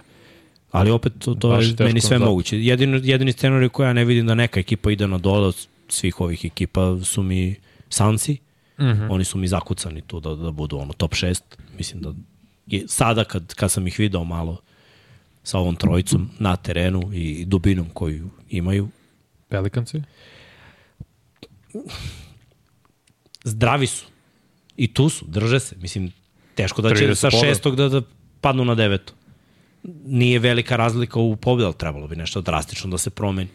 Naravno, nisu jedna od redkih ekipa koji ima i pozitivan odnos pobjeda i poraza protiv ekipa koji imaju više pobjeda no. nego poraza, tako da je ono 18 pobjeda, 14 poraza protiv takvih Za njih ekipa. je- Za njih bi trebalo se desiti da se, naš, ne znam, nešto drastično promeni.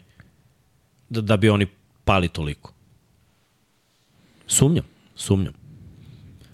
Uh, kaže, večera su Nix i Mavsi. Odlično, ne znam ko će igrati. Da.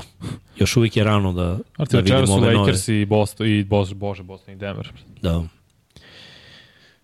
A što se istoka tiče, mislim, to, to mi je isto sve, Tu je mnogo zanimljivo nakon sve mi je jasno, poteza. samo ovo dole mi je, znaš, sad ne znam šta, šta Toronto me zanima, iskreno, nemam pojma šta su.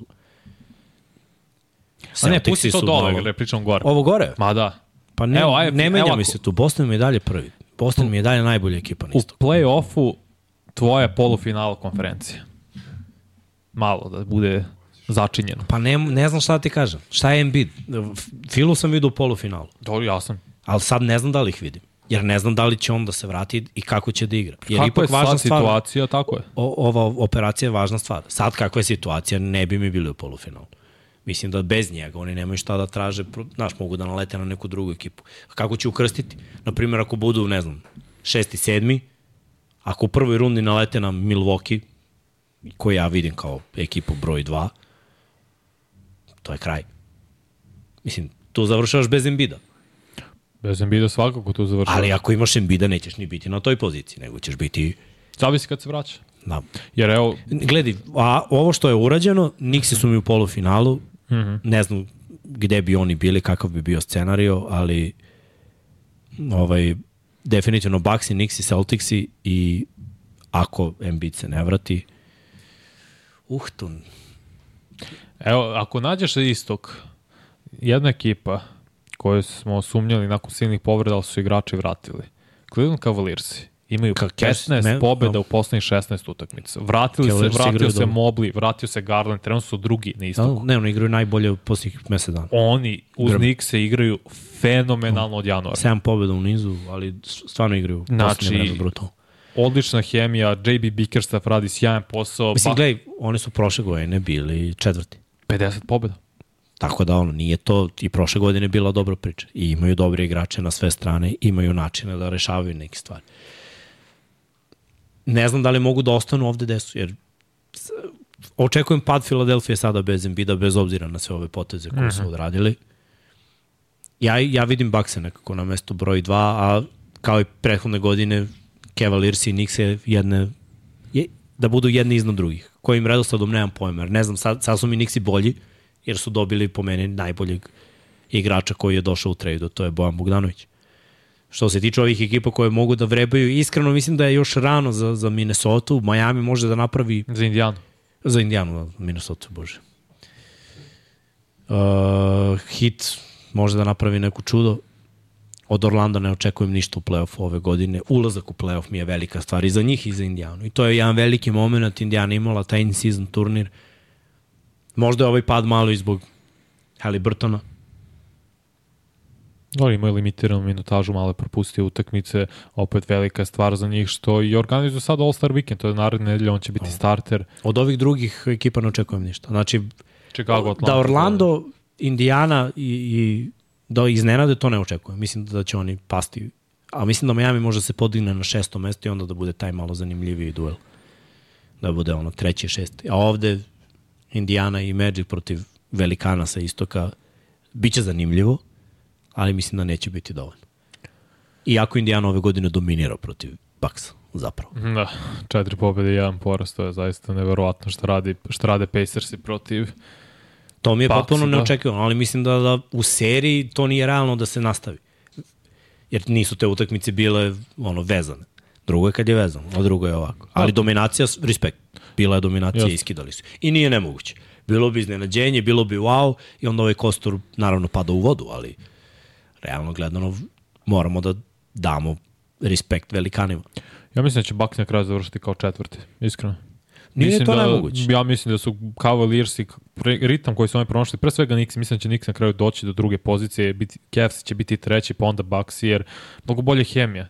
Nema šta sada da se uklapaš, da menjaš sistem, da se prilago, prilagođavaš drugim stvarima, to, ba, to Bucksi moraju. Oni moraju sada da uh, se Ali vidiš te prilagode- četiri ekipe. Uh -huh. Znači tu smo Da, da, isto Složno. smo ekipe, jer ne znamo šta će Fila biti, iskreno možda će biti opasna ako Embiid bude zdrav za playoff i to je nezgodna situacija za njih, jer ako budu Pa bili oni idu sedmi, nove ekipe. Tako je.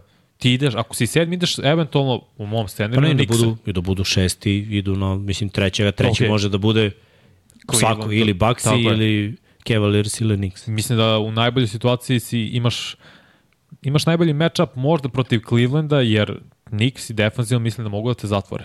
To će biti opet jedna odlična serija protiv koga god budu oni igrali, ali mislim da će ovo biti prve četiri ekipe Boston, Knicks i Cleveland, Milwaukee, a s druge strane mislim da će Phoenix neko da pronađe, ali to zavisi. Ako Phoenix, kako Phoenix u prvoj rundi bude igrao možda protiv Oklahoma, mislim da će ih dobiti na iskustvu.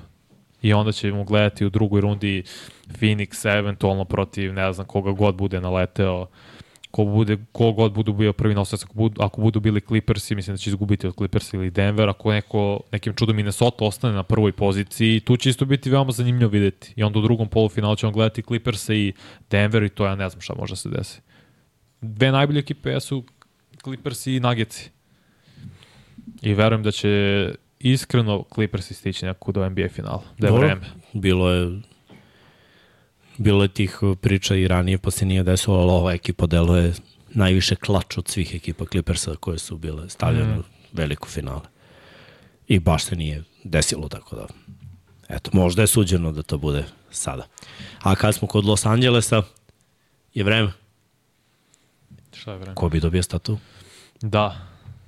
Jeste, jedva čekam to da vidim. A nije vreme, misliš da li je fizički vreme? Pa ne, nego kao Los Angeles, pa Pa ja mislim da će to biti najtraženija turistička atrakcija i najposećenija u LA-u kada budu pokazali zvaničnu statu. I zanima koji su na kraju, kakav je dizajn, koja je slika, koju su sliku uzeli, po čemu su je pravili, tako da će stvarno biti poseban dan. Mislim, već jeste poseban dan u LA-u. Jedva čekam to da vidim. misliš da je zasluženo da je pravo vreme da bude to tako? Pa na današnji Mislim, datum, da. ima Pa današnji datum je zapravo predstavno. Drugi, osmi, 24. oba broja, broj njegove čerke koje je ona nosila takođe, tako da je današnji dan idealan za to. Mm. Pa ne znam, ne znam da li, ne, ne znam stvarno šta da očekujem. Možda i hoće biti, možda će biti i ono to, ali ne, ne, ne predstavu. Tako je Gianna, da, ne, ne znam šta će se desiti, iskreno. Ja očekam da vidim i gledat ću utakmicu, mislim da će biti prenos na areni i samo uh, i svečane ceremonije za statu koja je od pola jedan i posle utakmice, koja je, ja mislim, u četiri tek. Možda grešim, možda nisam to lepo video. Noro pa zapad je. Pa da, ima, imalo bi smisla. Četiri je kao jedan na istoku. Tako da me to izuzetno raduje i jedva čekam to da vidim. Jel ti je četiri da vidimo, da vidimo? Jeste četiri. Na TNT-u. To je Mm. to. Denver gostuje. Pa dobro, zanimljivo. Ne znam, ovaj, apsolutno zasluženo, samo pravi je datum, da. Iskreno, nisam trebalo je još ranije. Treba, dobro, ja sam veliki Kobe fan, tako da Isto, pa ne. možda, možda ovaj, više govorim iz srca nego ovako. Ne, datum je idealan, Pet. perfektan. Pet trofeja, cela karijera u ekipi, Najbolji igrač Lakersa ikada. to su trebali da urade Dok Znači, je bio, ajde, da. bi, bio je živ, Mm. odradili smo, znači, povlačenje i povlačenje dresa, to sam čak i komentarisao i buk- bukvalno je tad trebalo u tom periodu odmah Statu. da doživi čovjek, mislim, Da. da. jer je zaslužio, znaš. Neko, Ray Lewis kad se penzionisao posle par go, pa je, ali to je kad si legenda franšize, cela karijera u jednoj ekipi. Razumeš? Da, možda nije legendarna franšiza kao što su Lakersi, ali mislim, Da. First Bella si Hall of Famer, stavljaju te u konverzaciju za jednog od najboljih svih vremena, pet titula si bre doneo ekipi. Bio MVP, reprezentativac, ubica, dominator, ambasador košarke, tad, odmah, bam. Ali nema veze, dobro. Bit, bolje ikad nego ikad. Nikad. Da, bolje dobro, ikad NBA nego nema tu generalnu tradiciju da odmah nakon nekoliko godina pravi statue za svoje igrače. Nema. To istina. je možda jedino, jedna od mana generalno Dobro, nema oni ni svoj, uh, drugo je NFL ima svoje stadione. Dobro. Drugačije. O, le, dobro, imaju uglavnom i NBA timove, da. ali LA timovi nemaju. Nije ono, njihova arena. To je strašno. Arena je gradska. Da. Ali opet je legenda grada u pitanju. A Zar onda ne? kažeš ko bi pomisliš LA i obrnuto. Grada i zemlje. Tako da, ovaj, ajde. Hvala im i, i jedva čekam da ja da vidim kako će to da izgleda. Šta, su, šta misliš da su uzeli? Neki fade away Pa ili... možda, mislim fade away, ali iskreno ovo što Srki kaže, možda jesu on i Gigi. Jedan pored drugog, možda i to. Misliš? Pa možda i jeste. Možda i čak i dve statue, ne znam. Ne bi mi ni to čudilo. Jedna njih dvoje, jedno njegovo. Koje su legendarne poze u slikama? Pa ono, Jedna je ona na... tako je kada je osvojio petu stolu. lo, te, titulu sa loptom, To bi moglo da bude ili fade. fade, fade away neki ili možda ono njegova karakteristično kucanje na drugi obruč. Da, da, da. Nije, nije. Nije, nije, ovo je bilo iz putback, nije, nije. Ali, pa da. Dobro, ne bi stavili kucanje preko dvajte, to je bilo presmišno. Ali, šta ne znam, baš razmišljam sada šta bi se moglo. Fade away mi neko, to je to. Uz njega, pa da. Dobro. Ajmo neka pitanja i odgovori pa da se razilazimo. Cepajte. Kaže Denver bez trejda, pričali smo malo o tome bez trejda. Nijedan potez nisu napravili. Situacija u kepu je takva da bi nekoga morali da se reše, ali meni iskreno nije imalo smisla da puste bilo koga, već samo da dovedu nekoga ko se uklapa u taj price range. Ne vidim da bi neko mogao da dođe da nekoga pošalju dalje i da budu jednako uspešni, jer se ipak sve svodi na tajminge, na poznavanje, na hemiju koju ekipa ima. I ovi igrači znaju i šta radi Jokić, jer sve ide od njega i nije lako ovaj, za njih igrati sa, sa Jokićem. Iako bi trebalo da bude lakše, ne razmišljaju oni na, na tom nivou. Ali naj, najbolji potez je nekada da ne praviš potez. Ostaneš Ne, ne, s tom ekipom kako Za si. dubinu jedan šuter, po mom mišljenju, bi bio isto dobar šuter sa iskustvom nekim. Ali Kep je bio takav da... Nemaš. Ja sam se nadao da bi, da bi moglo nešto se napravi za, za Brown, ali opet kažem, on je uzeo nerealne novce, mnogo više od onoga što je bilo projektovano kada je napustio Denver i njegova energija bi puno značila, on nije šuter, ali je energija tranzicija i može da šutne i da pogodi. Radio je to prošle godine u play-offu, ali nije bilo šanse da, da se to uklopi u cap sa njegovom platom. A da on, Pa zaslužuje da uzme pare. kako nije? Pa, Svoju moraš. titulu, samo mora malo da... Keširaj sebe, misli na sebe, uzmi velike A. pare kad možeš. Ve, veruj mi, Peyton Watson će iskočiti u play-offu i pokazati Pa mora. mnogim ljudima koji možda ne gledaju toliko košaku detaljno kao mi koliko je zapravo on koristan i Gej, dobar igrač. Šta je stvar? Sumnja. Uvek u mladi igrač. Mislim, seti se Michael Portera junior. Mm. -hmm. Moramo da budemo realni. Seti se prvih sezona.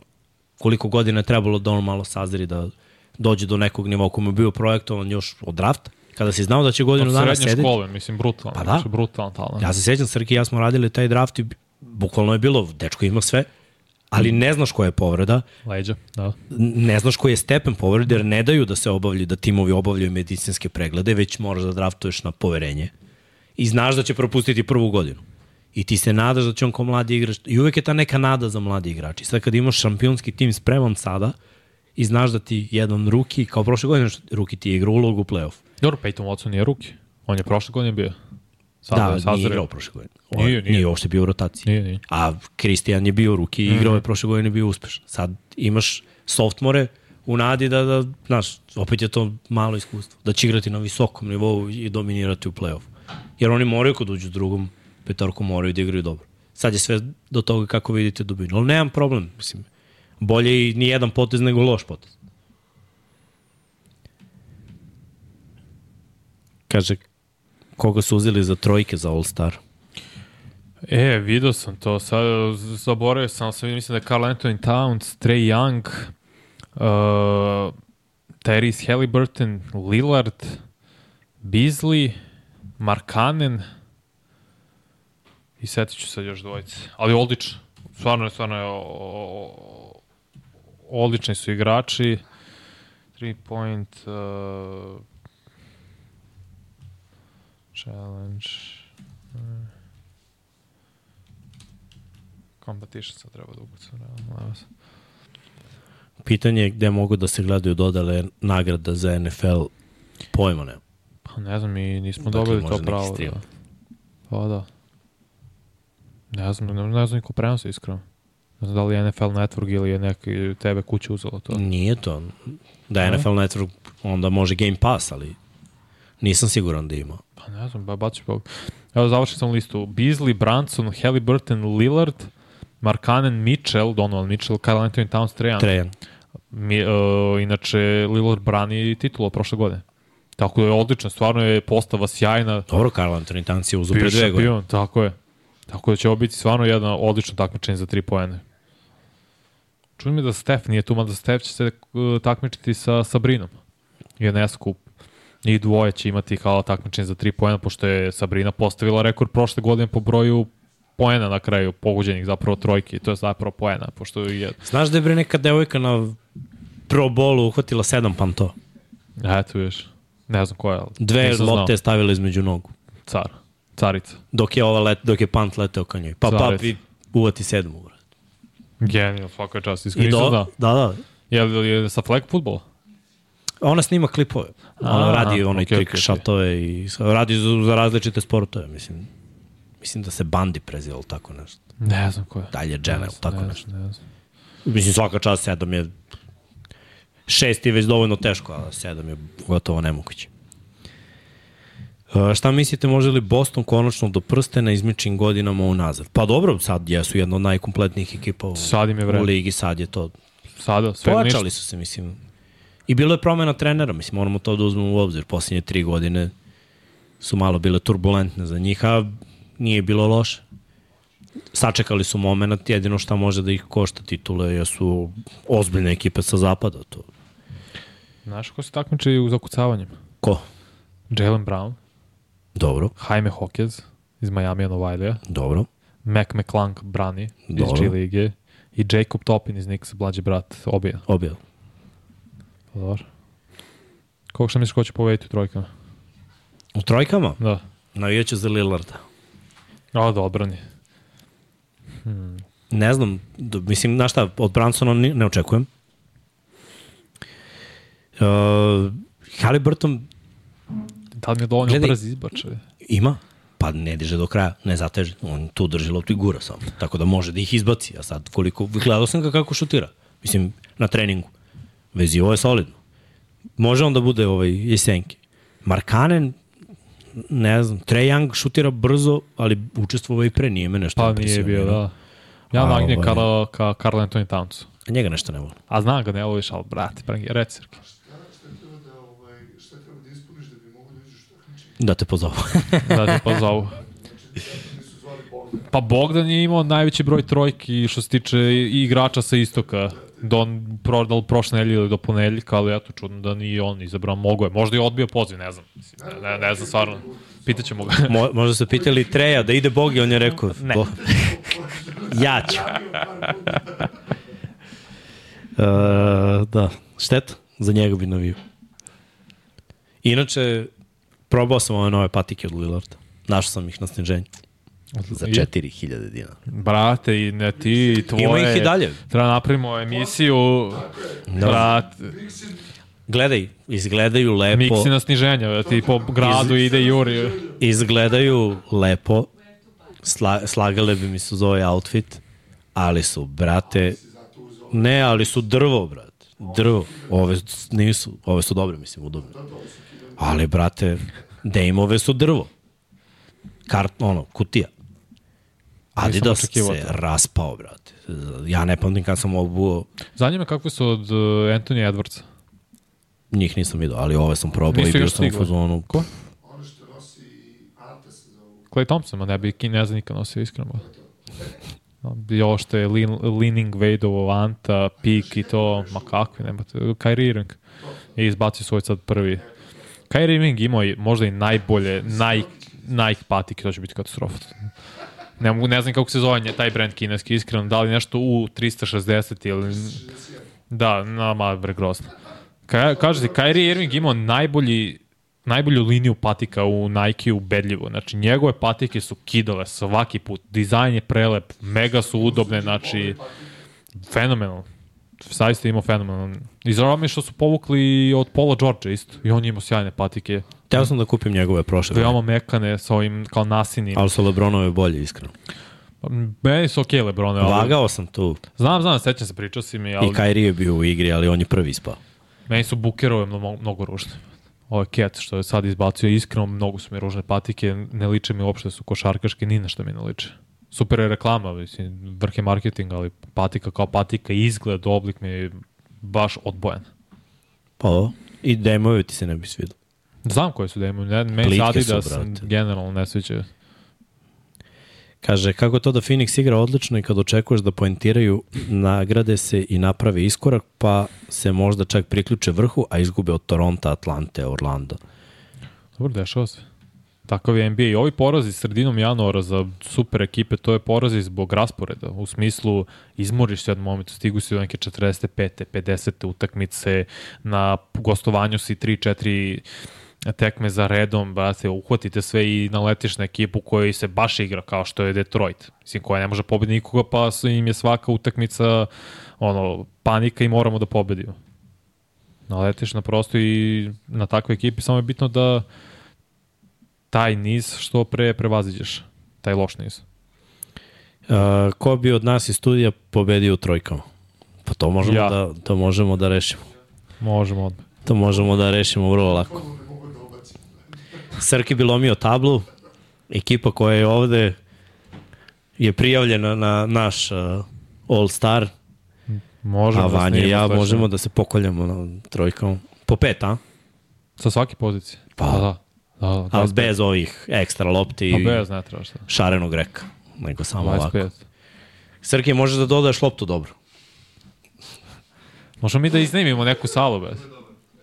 A možemo ovu ovde, ovo što je OKK Treba ide Beograd. lepo vreme, što ćemo iznajmljamo salu. bre. Pa dobro, brate.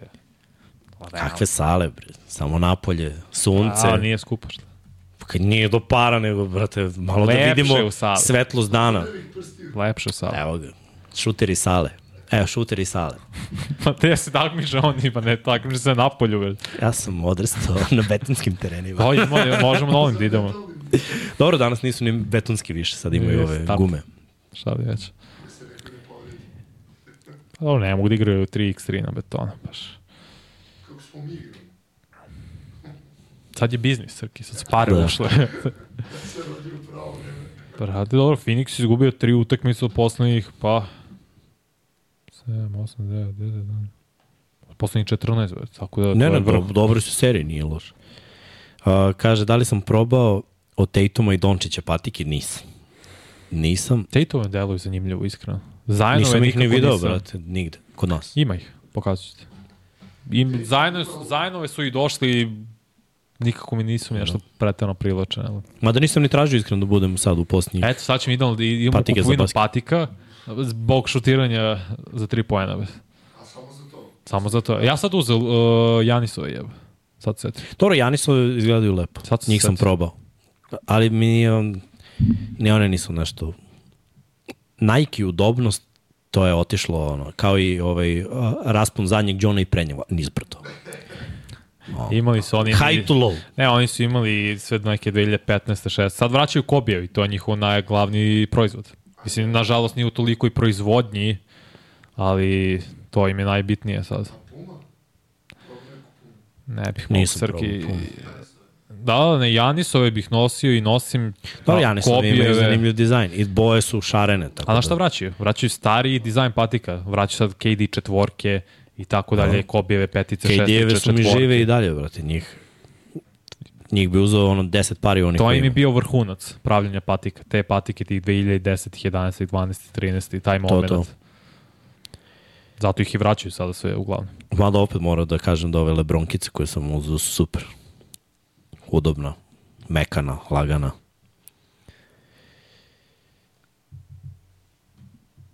Kaže, Dončić su dobre za igrače koji ne trebaju shifty movement. Ništa, otpiši ih odmah. Samo to imam. I ne traže neki wow cushion. Šta Partizan izgubio?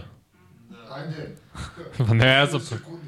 Ja, moj srčan. Nisam rekao ajde, nego ne pobedi. Zaustavi se. Šta je, Srki, tužan si? Koliko ste daleko sada od način? to posla? Beskonačno. Trojka u Zensku. Trojka u Zensku. Ovo moj, ko je, ko je pogodio, koga je čuo? Neki na L, a Francisco. E. A, o. Srki, Francisco ti je suđen ove nedelje. Misliš, dobro, to će. Ako ideš u San Francisco... Ali pere idite. Ne, ver. Pera, Pera ima preča posle. trenutno. ununao be, bibu i odmorio malo.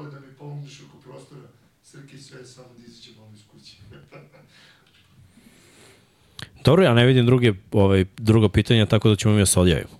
Prelepo. Brzinski. A čekaj da vidimo ovaj naš drugi podcast i dalje traje. A, vole oni to. Nema stajanja. Sad ću da uđem na chat da ih trolujem. Da li Srki gleda? E, gleda, vidi, sam. gleda, gleda. Ne, nego live chat. Vidim, vidim da gledaju. Mislim da ovaj, ali sad treba uvatiti u kom su minutu da, da čujemo prozivku. Inače, ovaj, prvi put smo imali dva live-a, dva streama Da, istovremeno. pogledao sam, izgleda da može četiri odjednom, što To, znam ja da može, nego... Ne, ne, dva, dva su okej. Što je najče, Sad oni imaju, Paja da radi od kuće pod kapicom da bi bilo još. oni imaju dodatno. 400, o, 420 u live-u, a mi 265, tako da... Dobro, veliki promjena Sve, u, MotoGP. kad se, kad se ovaj, spoji ukupno, se računamo kao spojeno. Možda da, možda ne. To. Hvala Kila. I ja mislim tako. Da, Giljeca baš kida. Da pokažem. Pokaži. Ajde, imamo i. Imaćemo da i scenu? A? Pa ne znam da će se vidjeti. Ček, ček, ček, ček, ček. Da, taj prljav John se vidi baš jako. Pertle. Pertlica zelena. ne, ne, ne, sad si izašli. Pa, dobro. neće se vidjeti pertlica. A skini patiku pa pokaži. Realno. Lako će navući. Ja kad zapertlam, to nema skidanja. Za 2000 dinara. Kada naleti, kada naleti brat na sniženju. Nikad u životu nisam što Znači, sniženje dobu. od 75%. Ve. Nikad u Gledaj, životu. ja kad naletim na 50% pevam, a kad slučajno pročitam na kasi da ima još dodatno, onda budem... Da. Onda repaš. Pa i pazi, ovaj duks kad sam uzeo isto bilo je. Da, da, znam. Uzmem ga i dođem na kasu i on kaže, pa ako uzmete još jedan, imate 50% na oba. Ja rekao, nisam planirao da kupim dva, ali ako već poklanjate, dođi. Tako da, ovaj, živela akcije.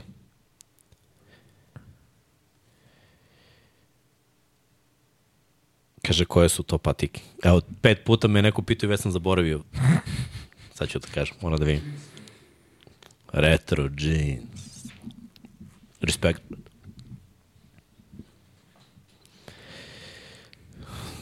Dobro, to je to.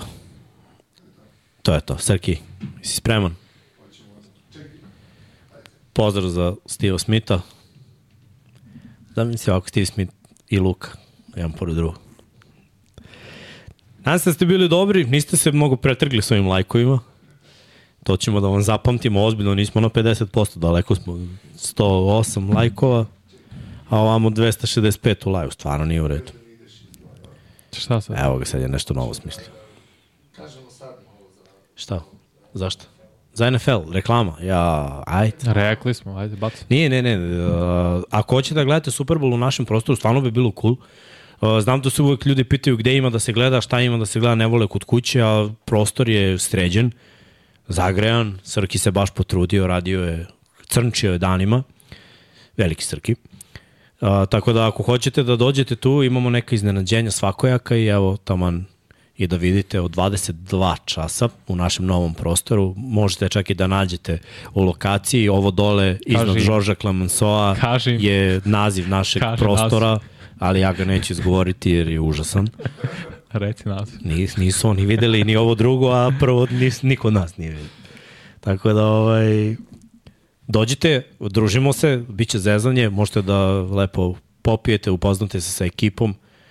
Ne znam koliko ćemo ovaj, svi biti tu, ali potrudit ćemo se bar da navratimo. Ovaj, što se tiče prenosa, Srk je to lepo namestio, bit će ono veliki ekran, imat ćemo ovaj, lepu prezentaciju dresova Kansas City Chiefsa i 49ersa i naravno tu ste celu noć, uživate, gledate Super Bowl i slušate nas koji ne znamo da komentarišemo kako ovaj, pokušavamo da srušimo Sneška Chiefsima i i 49ersima pošto nam je to jedino ostalo. Možemo samo da plakemo, jer nas nema u play-offu Nema.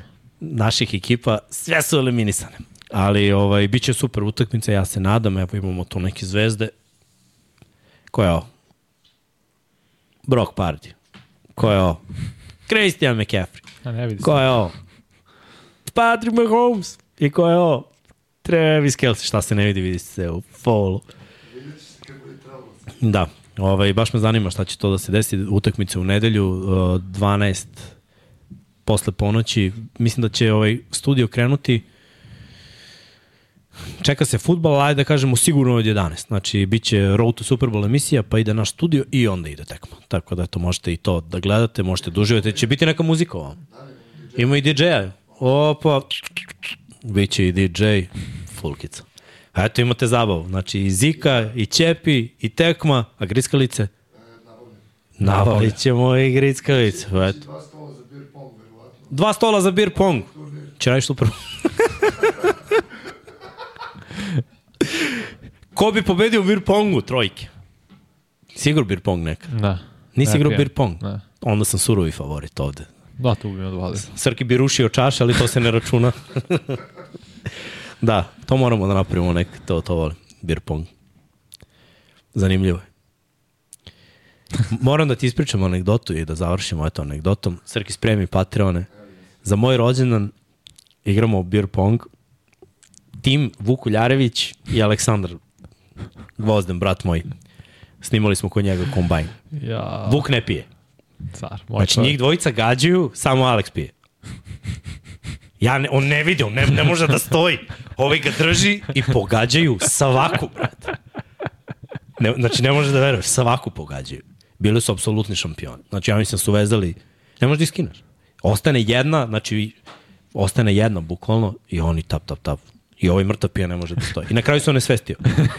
I tada još nije bio u formi, još uvijek nije bio, ta, tek što je završio vaterpolo karijeru, morali smo ga nosimo onako totalno opuštenog od 110 kg, može bilo i više, on kaže 110, znači da ga nosimo od roštilja nadi do kola i da ga treznim na parkingu ispred, ispred kuće. Znači, toliko je bilo smešno da čak jedna patrola koja je stala da vidi zašto kola bleje tu na parkingu, momci su oplakali od smeha i slikali se s njim koji je bio on. Tako da znaš da je beer pong opasna igra. Moraš da budeš kondicionalno spreman, Ja ću kao ne samo za šutiranje. Meni treba neko ko pije. Zapravo. Tako da moraš da nađeš. Vidjet ćemo. Srki, evo ti Arcik ti je do- dobar kandidat. Može da popije kako hoćeš. A evo, Srki veliki, ja ćemo budemo druga ekipa. Ma dobro i Jimmy voli da igra beer pong. Tako da imamo, imamo dobru ekipu svakako. Uh, vi budite dobri, nastavite da pratite sve što je na Infinity Lighthouse uh, kanalu. Sutra 99 yardi, imamo isto neko malo iznenađenje, najavljamo Super Bowl i još jednom eto da ponovim, dođite ako nemate gde da gledate, gledajte sa nama u našem novom prostoru, a mi vas pozdravljamo i jedan na jedan tek sledeće nedelje, do tada veliki pozdrav.